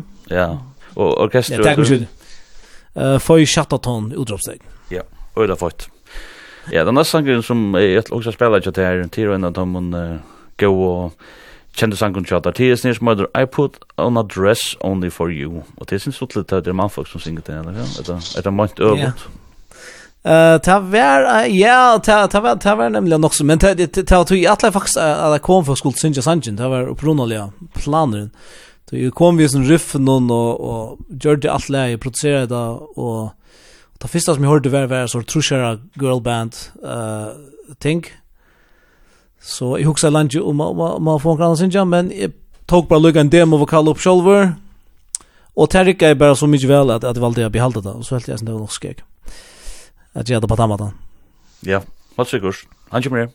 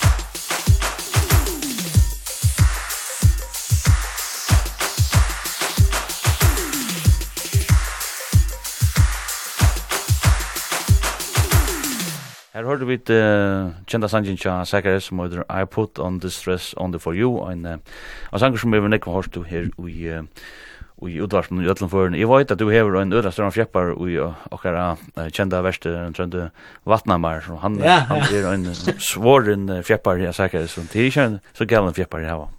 Nei, jeg er utrolig takknemlig for, for jeg har uh, sjolvan trønda som er fjeppar i hava til at leie, men uh, ja, Da har man ikke gjør rett. Du, hvordan er vi, sjån, nå nevnte vi det her, vi, vi korona og farsøyten og alt det, men hvordan er det vi vi spela konserter sånn, ikke? gjørs du nekva tog, eller hvordan ligger landet vi tog? Du har haft, du har blitt nesten legendarisk av Gevestvalene for å spela nekka fantastiske konserter, gjør du en ivergeng og sånn, ikke? så, men hvordan er vi tog, er, er, er nekva skronne i sånn, da? Ja, jeg ble til mer enn studierotta uh, det senaste årene alt. Um, ja, det til til er meira arbeid vi øron nå, meira jobs, og ikke lykkan ek uh, solo sækars. Sjalt om jeg nå, nå, etter min lyft og nå, etter Arjer, vær, vær, at, at, at uh, skru opp for tog. Ja, det håper vi. ta er tog, det tog byrja i arbeid vi gjør vi ut sjåver nå. Mm. Uh, og live uh, har vi ikke spalt særlig nek, nei. Det har vi, uh, i det siste tro årene, korona stekket det nok så nek. Vi spalte ikke det ene og så spalte jeg en eller tver konserter år etter, og jeg fjør min ikke, ikke særlig nek. Men til at litt mer sko eisen at, at, at rampe opp på. Tu, og gus er vi, vi tog jo i Ísland jeg slipper fra meg at eller gus er romstøvner i Reykjavik til, til det, spille konserter. Tu, jeg skal si at det her er, er sendt ikke vel til vi, vi hølun Det er faktisk uh, vel friare i förrjum på nu. Uh, jag, jag, jeg, jag tror å att at att, att i Lutla Torshavn är, är det flere spelstö enn i, i Stora Reykjavik. Wow. Här är otroliga, här är bara en tror fyra spelstö som, som, er, som ordentlig kunne kalla seg spelstö. Mm. Så här ständer ikke så väl tid du. dig. Är det sen skoffande? Jag kvätter inte. er, live, live er är, är det corona eller? Jeg halte nøg, ja, nøg stå lukka av krona. Uh, ta, ta var en tung periode for fyrir nekstå. Men jeg vet faktisk ikke hva trent ordentlig. Jeg er bare synes så, uh, det er skal som mentan er bare um, blir sett til syna er sinter, og særlig tonleikere og live tonleikere. Det er, Ja, jeg, jeg, jeg, jeg jag jag då ska jag jeg, Jag sett mig sen nöjd men men men här i alla fall inte nästa att spela. jeg, har alltid bildat mig inne att jag har alltid haft något så störst men live, störst kan live paddla. Ja, det hever da, men, men akkurat bare nå er det jo en sånn utlån uh, del, kan man si. Ja.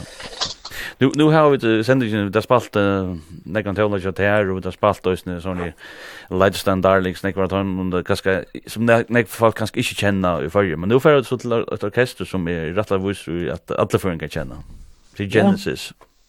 ja, det Jeg kvar så kjent her inn i John Dwayne Beach Boys og Janne men ja ja. Jag känner det är en sånn orkester som Nick älskar att härta och skiljer chili John i Rubbish. Phil Collins er sinter rösten det här men det skiljer heller ikke Ja, men öll ser tingen har vi akkurat allt som syr bara nu till grunden och korta listan är till att är är är nu stan nu kommer nu Genesis och sånt där jag har alltid bara hörst om där och liksom har sagt sagt vi med det ska det ska lust till Genesis till att det är till till akkurat det eller till så fett.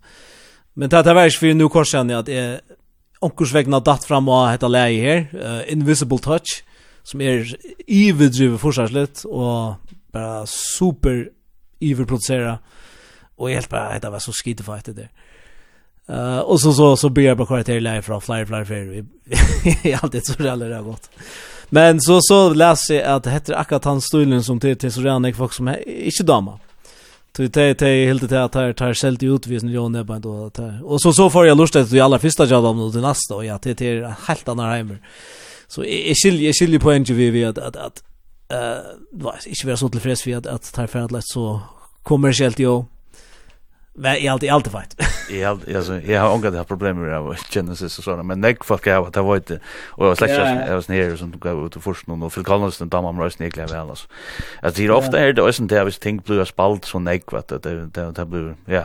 Det blir en sån jeep för det alltså alltså du örnar inte det blue att det spalt så näck. Jag heter inte vi Creedence Clearwater Revival det var vatten och och och tannaren går att det blir spalt så näck och sen det dansorkester spalt det och man var så hamrande trött att men uh, Peter Paulsson har alltid han säger vem med en annan alltså lust efter till ordliga alltså det till ordliga fort alltså då tar vi våra tannar där.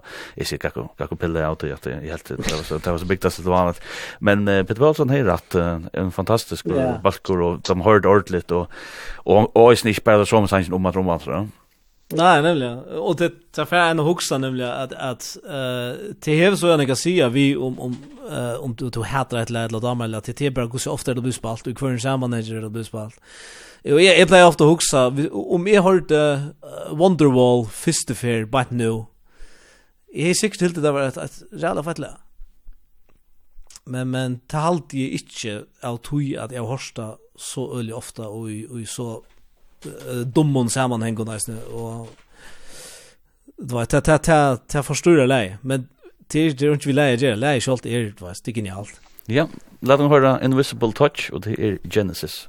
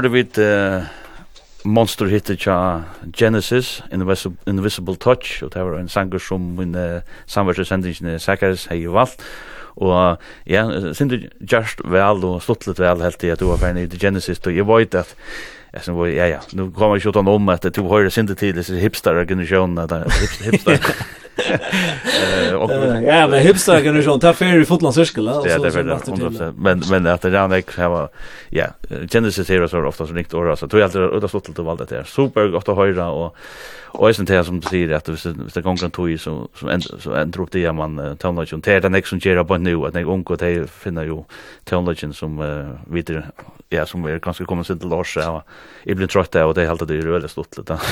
Ja, ja, levde. Men det är faktiskt stort som du säger att det är kontext att det är alltså det är stort vet du så hör ung folk sitta och och trippa i vår gamla tonlag och spela gamla tonlag. Men det är ju stort vis en en gammal med och sitta spela samma tonlag som man spelade för mycket år om att Roma blir det bara sig märkligt. Ja, ja, ja. No, no. det är det nämligen. Det det det, det är alltid i kontext jag vet kvart. Det händer. Ja, ja. Och som sagt, det vi spelar en riktigt tonna cheer och jag såg det tycker jag en en öla kända sång jag här är ehm det jag rå att dra ehm jag såg karriären så score music är en sång som man nog kommer åt honom till allt. Ja. Nej. Score music eh ja, det var det jag gjorde han samstundes som uh, I put on this dress tar jag helt så rumliga um, ja jag får det som jag kallar bubble bubblegum uh, pop perioden så jag har varit här gjorde bara såna superlöser uh, care likes orienterade sånt och ja heter var så att jag gjorde som kör på ett groove i ja bara ett rum där simpelt groove. Lite riff som kör i Atlas Engine. Och så texter om att röna skåra men att uh, inte då så väl att skora att man uh, överhuxar uh, och och lika som eh uh, krypla sig själva kan man säga. Ja, det känner vi alla allt för väl, va? Ja, ja, ju en ut ju någon tar man man var ju övrigt allt. För några för några hormoner. Ja. I kommer here. Score music seconds.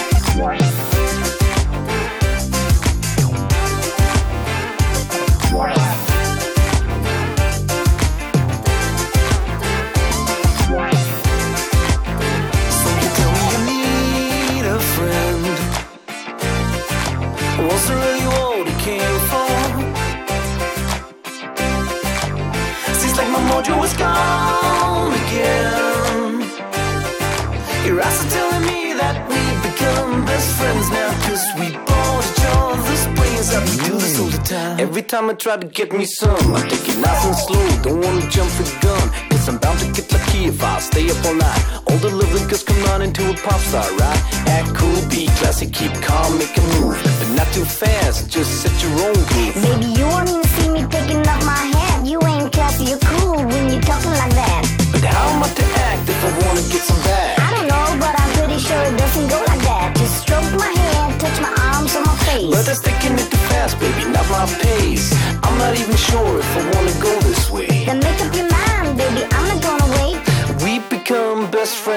because we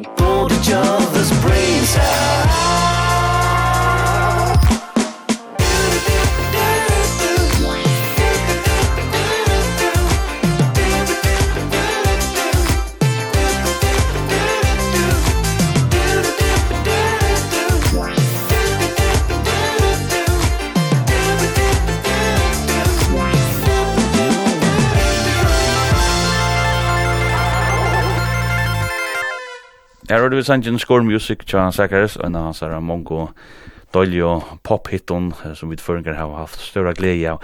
Tog at det, og som vi går hoksom Sakaris, og min sangen kort her til her, og jeg tog seg under for vi er så som da han og Gori stående og byrst, og da Byrst, at at uh, popper altså, det kommer inte någon rönderska popper ut i förr Altså, att den förlöjde helt igjen och så allt för. Ja, ja. Hvor är det Er när det är det väl eller vad? Nei, ja, nei, det virka som at, at popper hever veri a sinter uh, forsømter i fyrjon, og, og det hever kanskje veri vi ser jag synd det nya rap up som som som et uh, oautentiskt uh, fyrirbrygde. Uh, og det kanske tror jag at det det vi svär har vi vært så så nek som jeg har just då. Du vet för vad jag föringar är att ölla autentiskt folkaslä. så vi vill jag kanske se såna glansmynder ehm eh ja. Och då utan läge. Eh men det så också att det först så har du ju uh, Selja Kar Jakobsen som uh, just uh, otroligt när jag går på på Ocean Fair of Five så att alltså vi det alltid då eller var just pop och Jude Jude och Oli Rosne la vänner som det kallas det här Rosne popper kan man säga. Ja, ja, ja, nämligen. Men jag menar bara passar. Först när når jeg tar hverdag, jeg tar hver regnderskar popper nekva då. Och så, så lykkes som forsvant da, jeg synes, i halvfemsen, det var ikke så väl det alt, ja.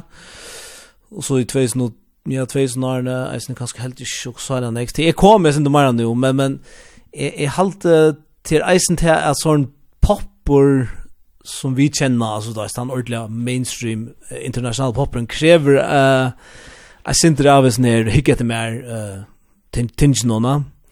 Her er onker bare trakkar fram som en, en, en, en ordentlig stjøtna, en ordentlig know-it-all, uh, Här var här var Finn Jones med Riley. Han rör sig gusse ta maten. Han Ja, nämligen, nämligen. Han smärs sig bort.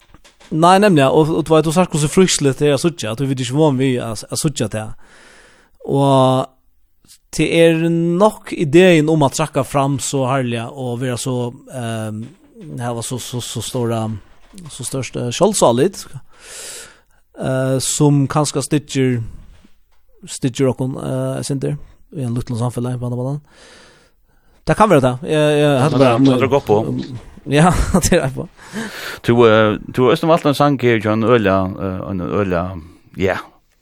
Innan för man kan säga indie pop rock kanske ja mer kanske indie rock alltså Tyrus ner balken här kanske att håll stora och utan de håll stora någon går ju 2022 always en vi ser teknik för den kanadiska balken. Ja, Ja, jeg var faktiskt jävla lud om det. Det er spilt något for meg, jeg, Jeg fikk bare vi at dette var et av de beste albumene, eller et av de bäst om omtøkte uh, albumene fra, fra i fjør.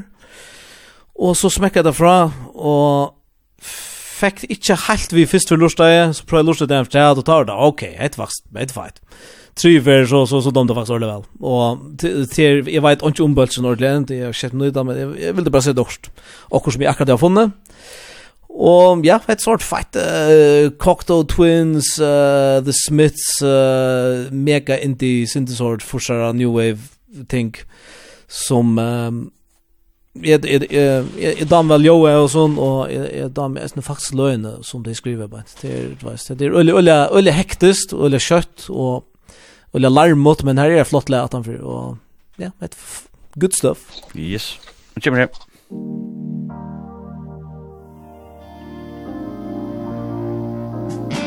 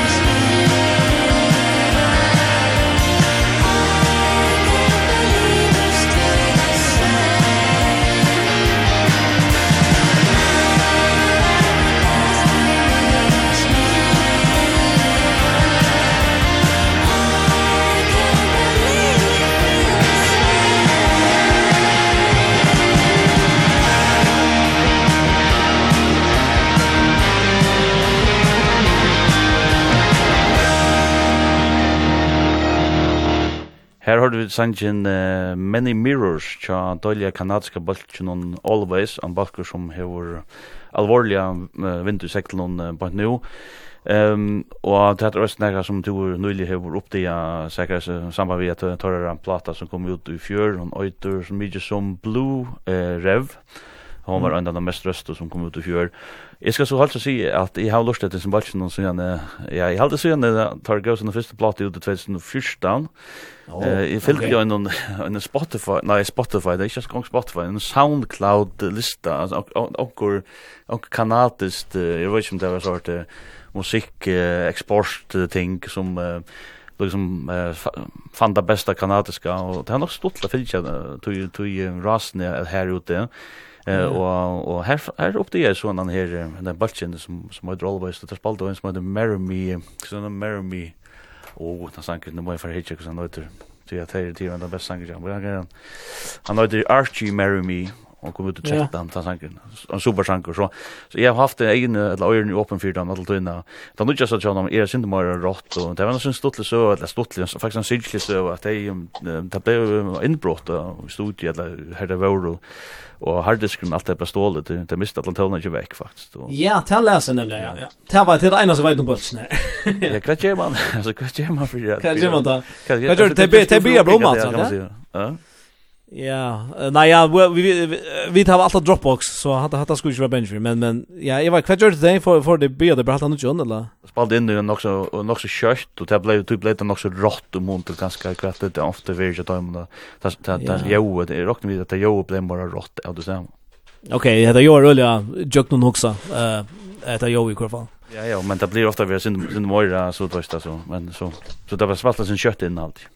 Okej, okej. Jag tar det. Den platan är ulla shot som allt.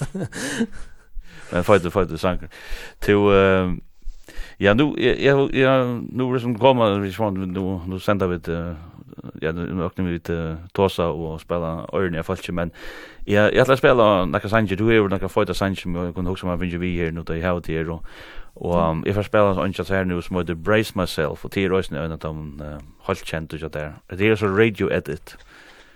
Ja, nämligen det var radio det som gjorde videoläge. Eh jag gjorde vid Ladlens Angen och och Hyrik säger så att att kan du inte klippa så introna. Du kan så inte detta. Det är skit att sträva klippa till då så. Nej, läst. Ja. Ja, jag gjorde bara mot vilja tog och klippte introna och gjorde det och nu nu visar sig att det är något den, den bättre versionen. Men ja. Det tror jag tror jag inte att det har tappat en liten låt. Jag backade den löt. Det var jag hade var min första smaker av att att att att backa för för Jokrum. Och det visste sig att det blev bättre. yes, here har vi brace myself chunk, Zacharias.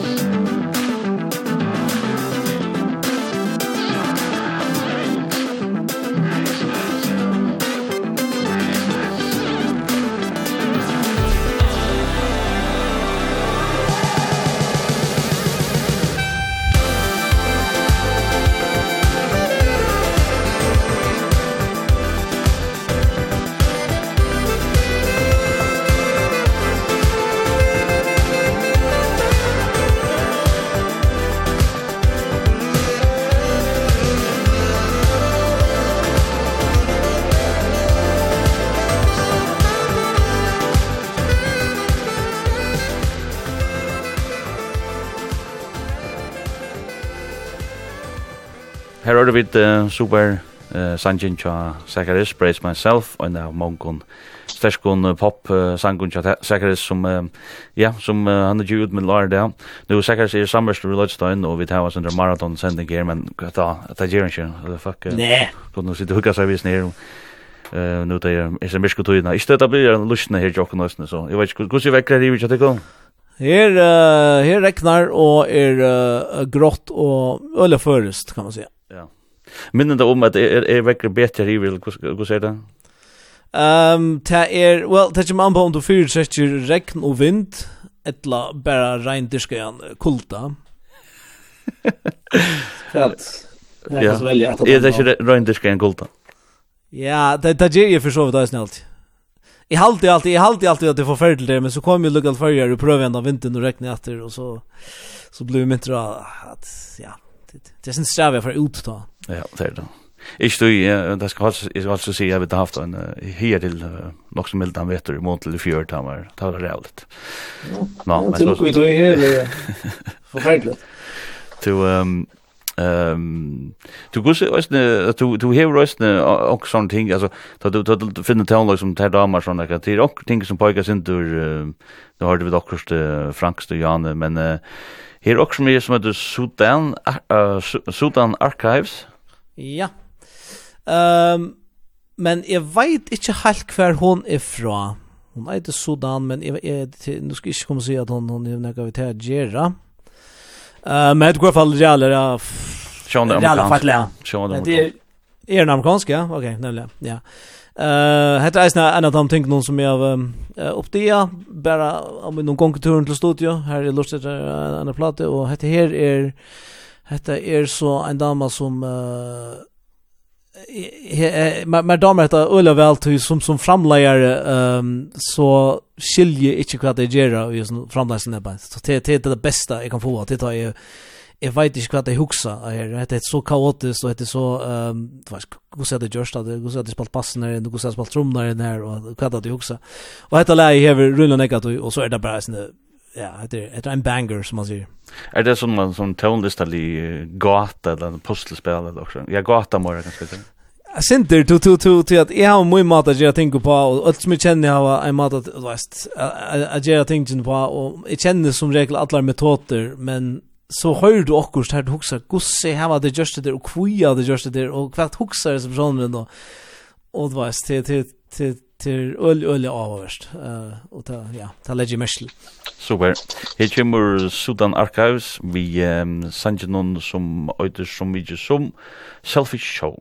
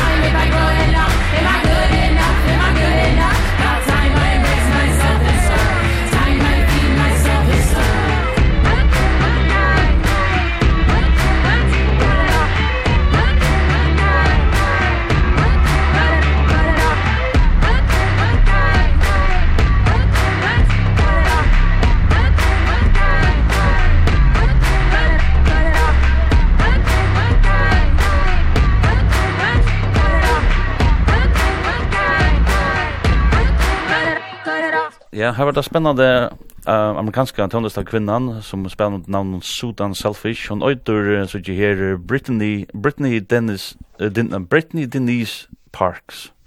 Okej. Okay, uh, er ur Los Angeles, den er her alltid, ja. Och yeah. det er spännande och fullkomligen nytt for meg, omgang du hörs man for Selfish ja. Show kallar sangren. Det er litt av något nytt tonlag som man inte, inte rör för. Ja, det er det kan smekka fra hver slag kvalt. Jo, ja, du nu tar jeg løyta jøgnen til katalog, så får man fram en sang her som som jeg halde ikke vid høyra nå ofta, og en sanger som vi slett ikke høyra, som er en stor, stor skandal at vi ikke, ikke høyra han, det er samstad du hever vi Peter Zakariasson som han har nu, Annette heter Zakariasen fyr, og en yeah. utrolig donaldlig sanger og, og tøvnlager, tøvnlistamæver som tyverre, ja, Jag jag hade det var det var det här jag hade tog en platta handlar om han alltid. Han vill inte ta det ner. Eller alltså när familjelöv men så ser löv just nu. Men men det var ju sanger som tittar jag samma som man ja inte hör ofta do my dancing. Nej, ja, han han vill ju ofta spalt. Han en en att han här har säsongen jag just i alla fall. Ja, det huxar nämligen han var sån Marocko då. Ja, han är ja, han larmar runt mig och tar tar reisen tog ju jeg jeg fick hur skulle jeg få Peter Asinja att han är en utrolig god rocksångare. Og han hever att det är Rope ropershotsar som han han var veldig god i i Boys Band. Som och jag spalte vi Boys Band där så så hej hej samband vi han här Tanvin. Och ja, hetta var bara ett ett lä här jag får pura eh ja, slay med ordla läsan vi är bara ger och pura svagt och så fick jag en pura svagan sangare och ja det blev så lite uh, do my dancing Hvis typ ordla typ bara blöda svärt så är han sala för nu så han kan hjälpa dig kom ja ja jag alltid ja ja jag på att bara boka too much ja. Ja, sånn her får du ja. Blir man minne, minne svært. Men jeg nevner, du, du spalte nemlig vi på sånne band, og du fikk så sindre og smatje fyres nir rock, uh, rock balka løvnene. Ja, ja, ja. Rockbalkalun og touring livet det det var tour i det hela och flera stycken allt Tyskland och Island och England och här och där. Ehm um, det var ja, otroligt skeg Bara sån dejlig fyrer Det var ja, det var det var en tur som är sett ulla stora pris på. Jag går på kvar matan Och at det som var vi boysna band var att för först først en alltså show vi spelade var en succé. Alltså slash file, ta bara förja för för allt steg på koka. Vad vad om det var tutje folk eller om det var tusen folk. Eh ta bara förja för vår vår vår folk pura blossom gott och till till alla fattat uppleva som en bulker bara för att nafera. Bara vita och andra scenen att hesa folk som för blossom gott där vill ju. Alltså hade han var en bulker som han vann ju sen där Battle of the Bands. Ja, Battle of the Bands nämligen. Och och en bulker som har otrolig potential Ja, ja, otroligt välförtjänt av allt det det var bara. Men uh, man kunde inte säga sånt där sån liv in nånt där rösten. Det ringte hålla sammen på på kan man si, en balk, det tänker folk i imisk folk som ja. Ja, det som vi snackar om till till vad så där vi bulkar är är till till till öliga trobolt nu. till alla alla fiberbulkar som som som alltså bara om alla värna som som halta långt då ja. Så vi grettar om stora nöjn som tog han och till ralliga fight var det är Coldplay och Muse och Underground och stora nöjn som är det var är är stadionbalkar annars är det bara einstacklingar vi vi omkring session balk Men vi får ge shoutout shout out Peter Zachariasson om att få han igång. Shout out. Ja. Ja. Från Gotland till Sinja Sala. i dronker. Hey Jim we're doing my dancing. I do my dancing with them.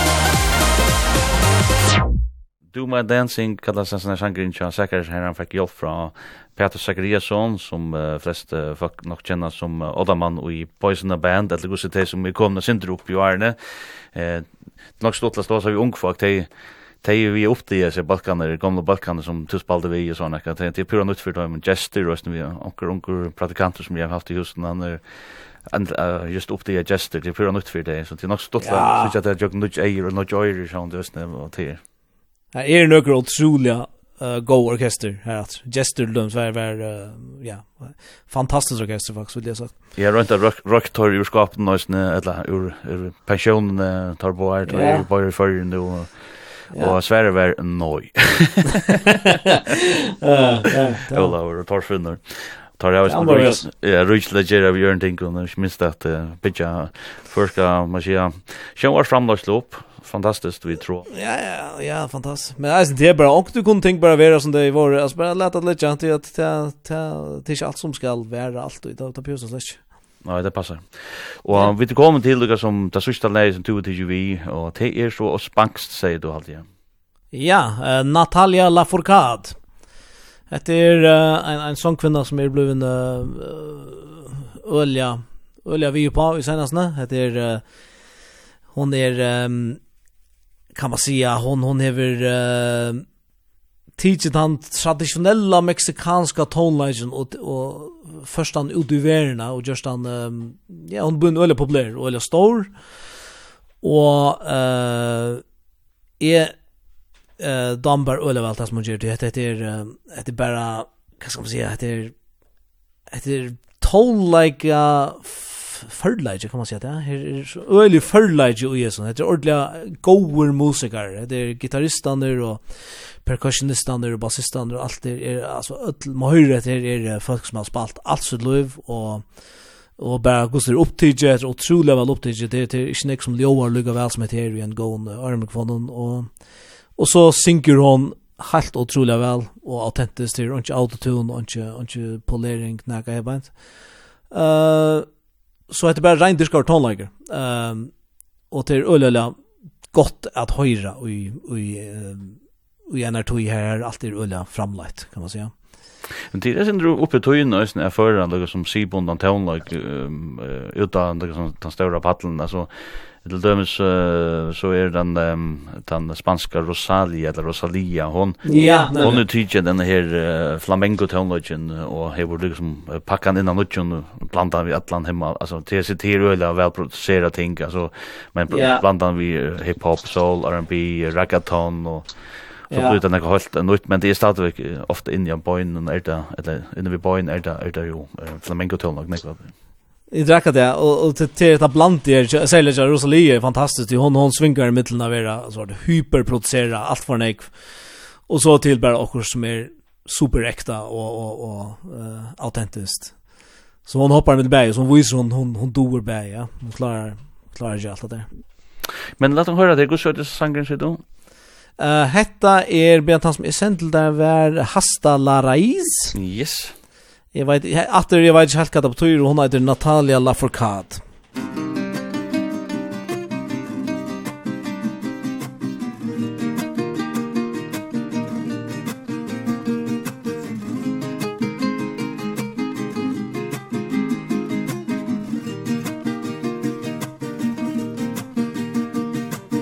río, cruzando ríos, andando selvas, amando el sol. Cada día sigo sacando espinas de lo profundo del corazón. En la noche sigo encendiendo sueños para limpiar con el humo sagrado cada recuerdo.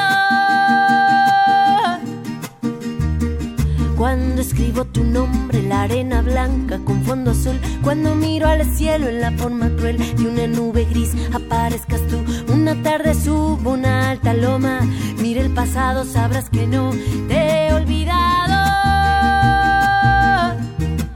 Yo te llevo dentro hasta la raíz y por más que crezca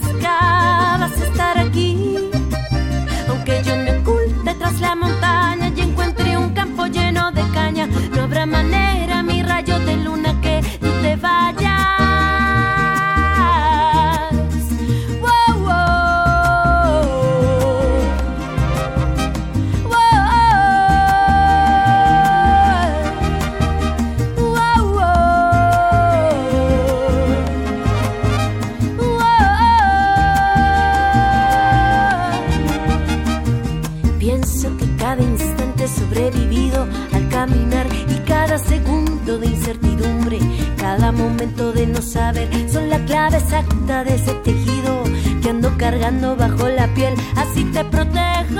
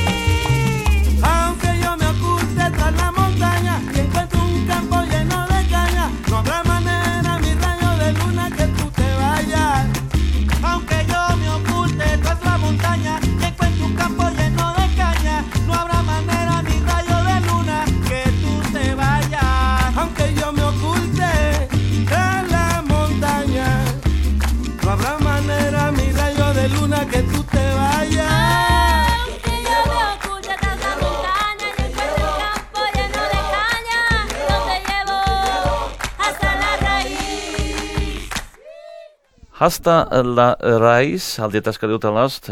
Ja, Marle Minne. Ja, og en sanger som uh, min samverstur sønnes då løtna, lange løtna hever jeg valgt, en sanger som Sakaris hever valgt. Og um, gus var hun øyde Natalia Lafourcade. Lafourcade, og hun var mexikansk, sier du, han er her? Ja, hun er mexikansk. Ja, døylig sanger og døylig vel, og er, er det nekka som det, sånn, man kan sija, upprodna tonløk fra Imskon, uh, herasotten, er det nekka som du, diskar eller det det som kommer fra boja det er ikkje nekka du leitar eller sånn ja. Nei, det er ikkje vanlig at det som er leit etter nei til at ja nei som sagt er er mest in i popheim då men men det är så otroligt förfriskande att att höra akkurst vad akkurst ordligt att det här här där akkurat men uh, säkert vi det kommer liksom uh, till ändan här nu vet ju om det blir en löta ja fin en en goal löta eh uh, ja det var ordentligt Det var dejligt. Uh, det nog nok så uh, nok så stort la sig det här bara vi mikrofon och och och så där står vi och och tar så eh i utarspnon. Bara pura roll ja. Ja, och det är ju inte som är huskot att det ska vara också avslappa och laid back som man säger. Därför och jag vill tacka dig många för för att du tog att tacka dig till det och gå ett nu vi att du som du arbetar vi och att lucka vi sen du platna EP ni chatar. Ja, takk for det. Domestic Disco 106, og det som ikke har stående, det skal føre til lusta og annars bare at uh, senda uh, Sækrelse og Love, her er sånn, gå i gjør til, um, til Sanka Sanger og sånne, ja. Ja, endelig. Alt sant og, og du er sitte, du er ferdig ut av bare TikTok, alt mulig.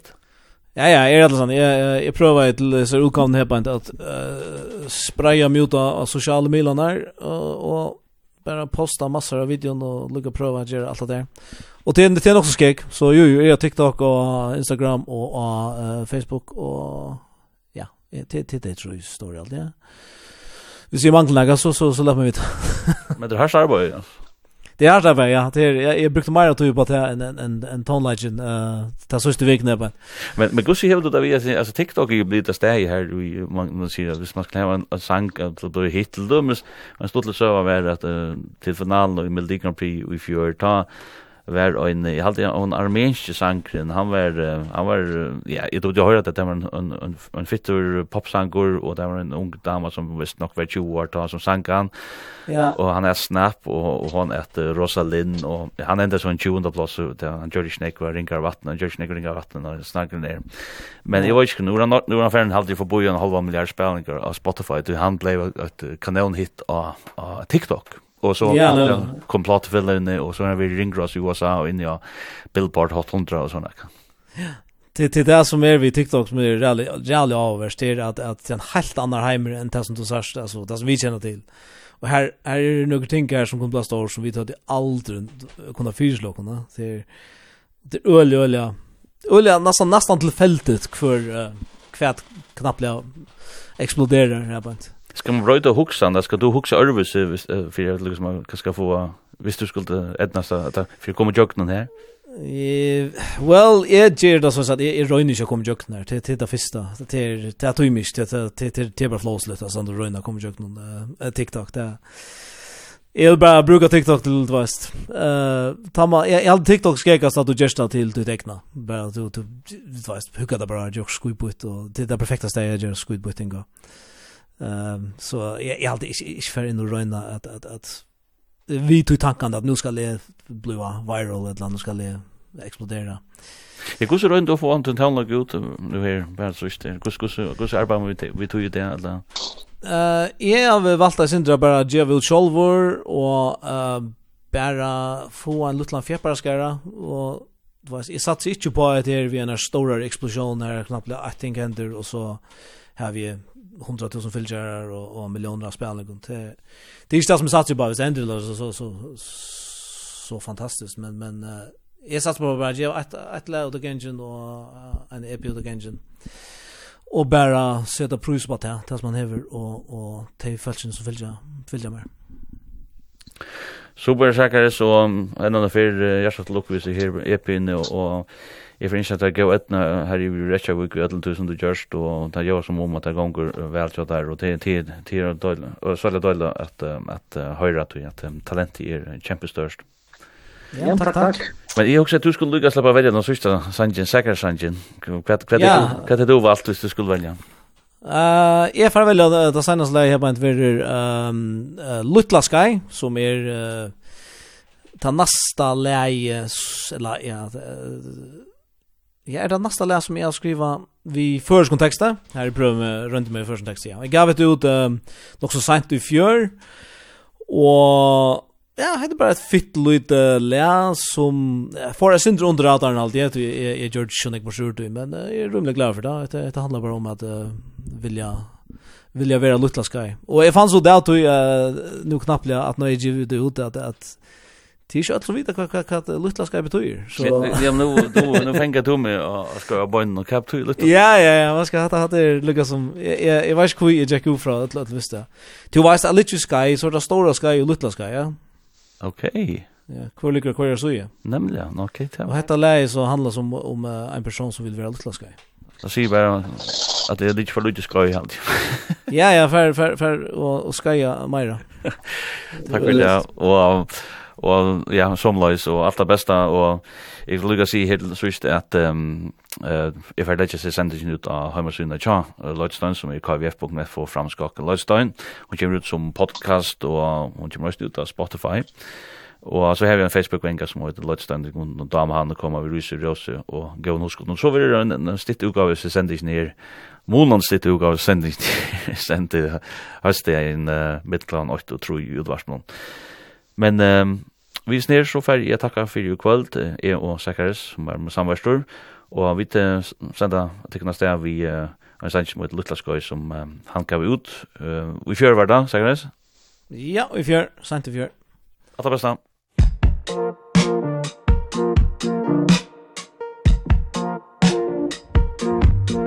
Hvordan hever til dem jeg størst og særlig glavor Kanst du djeva mer at jeg et land nei? Jeg spyr je til så sjaldan Berer du til sjalvan til jo 45 kilo et la mer Da kom det være lattare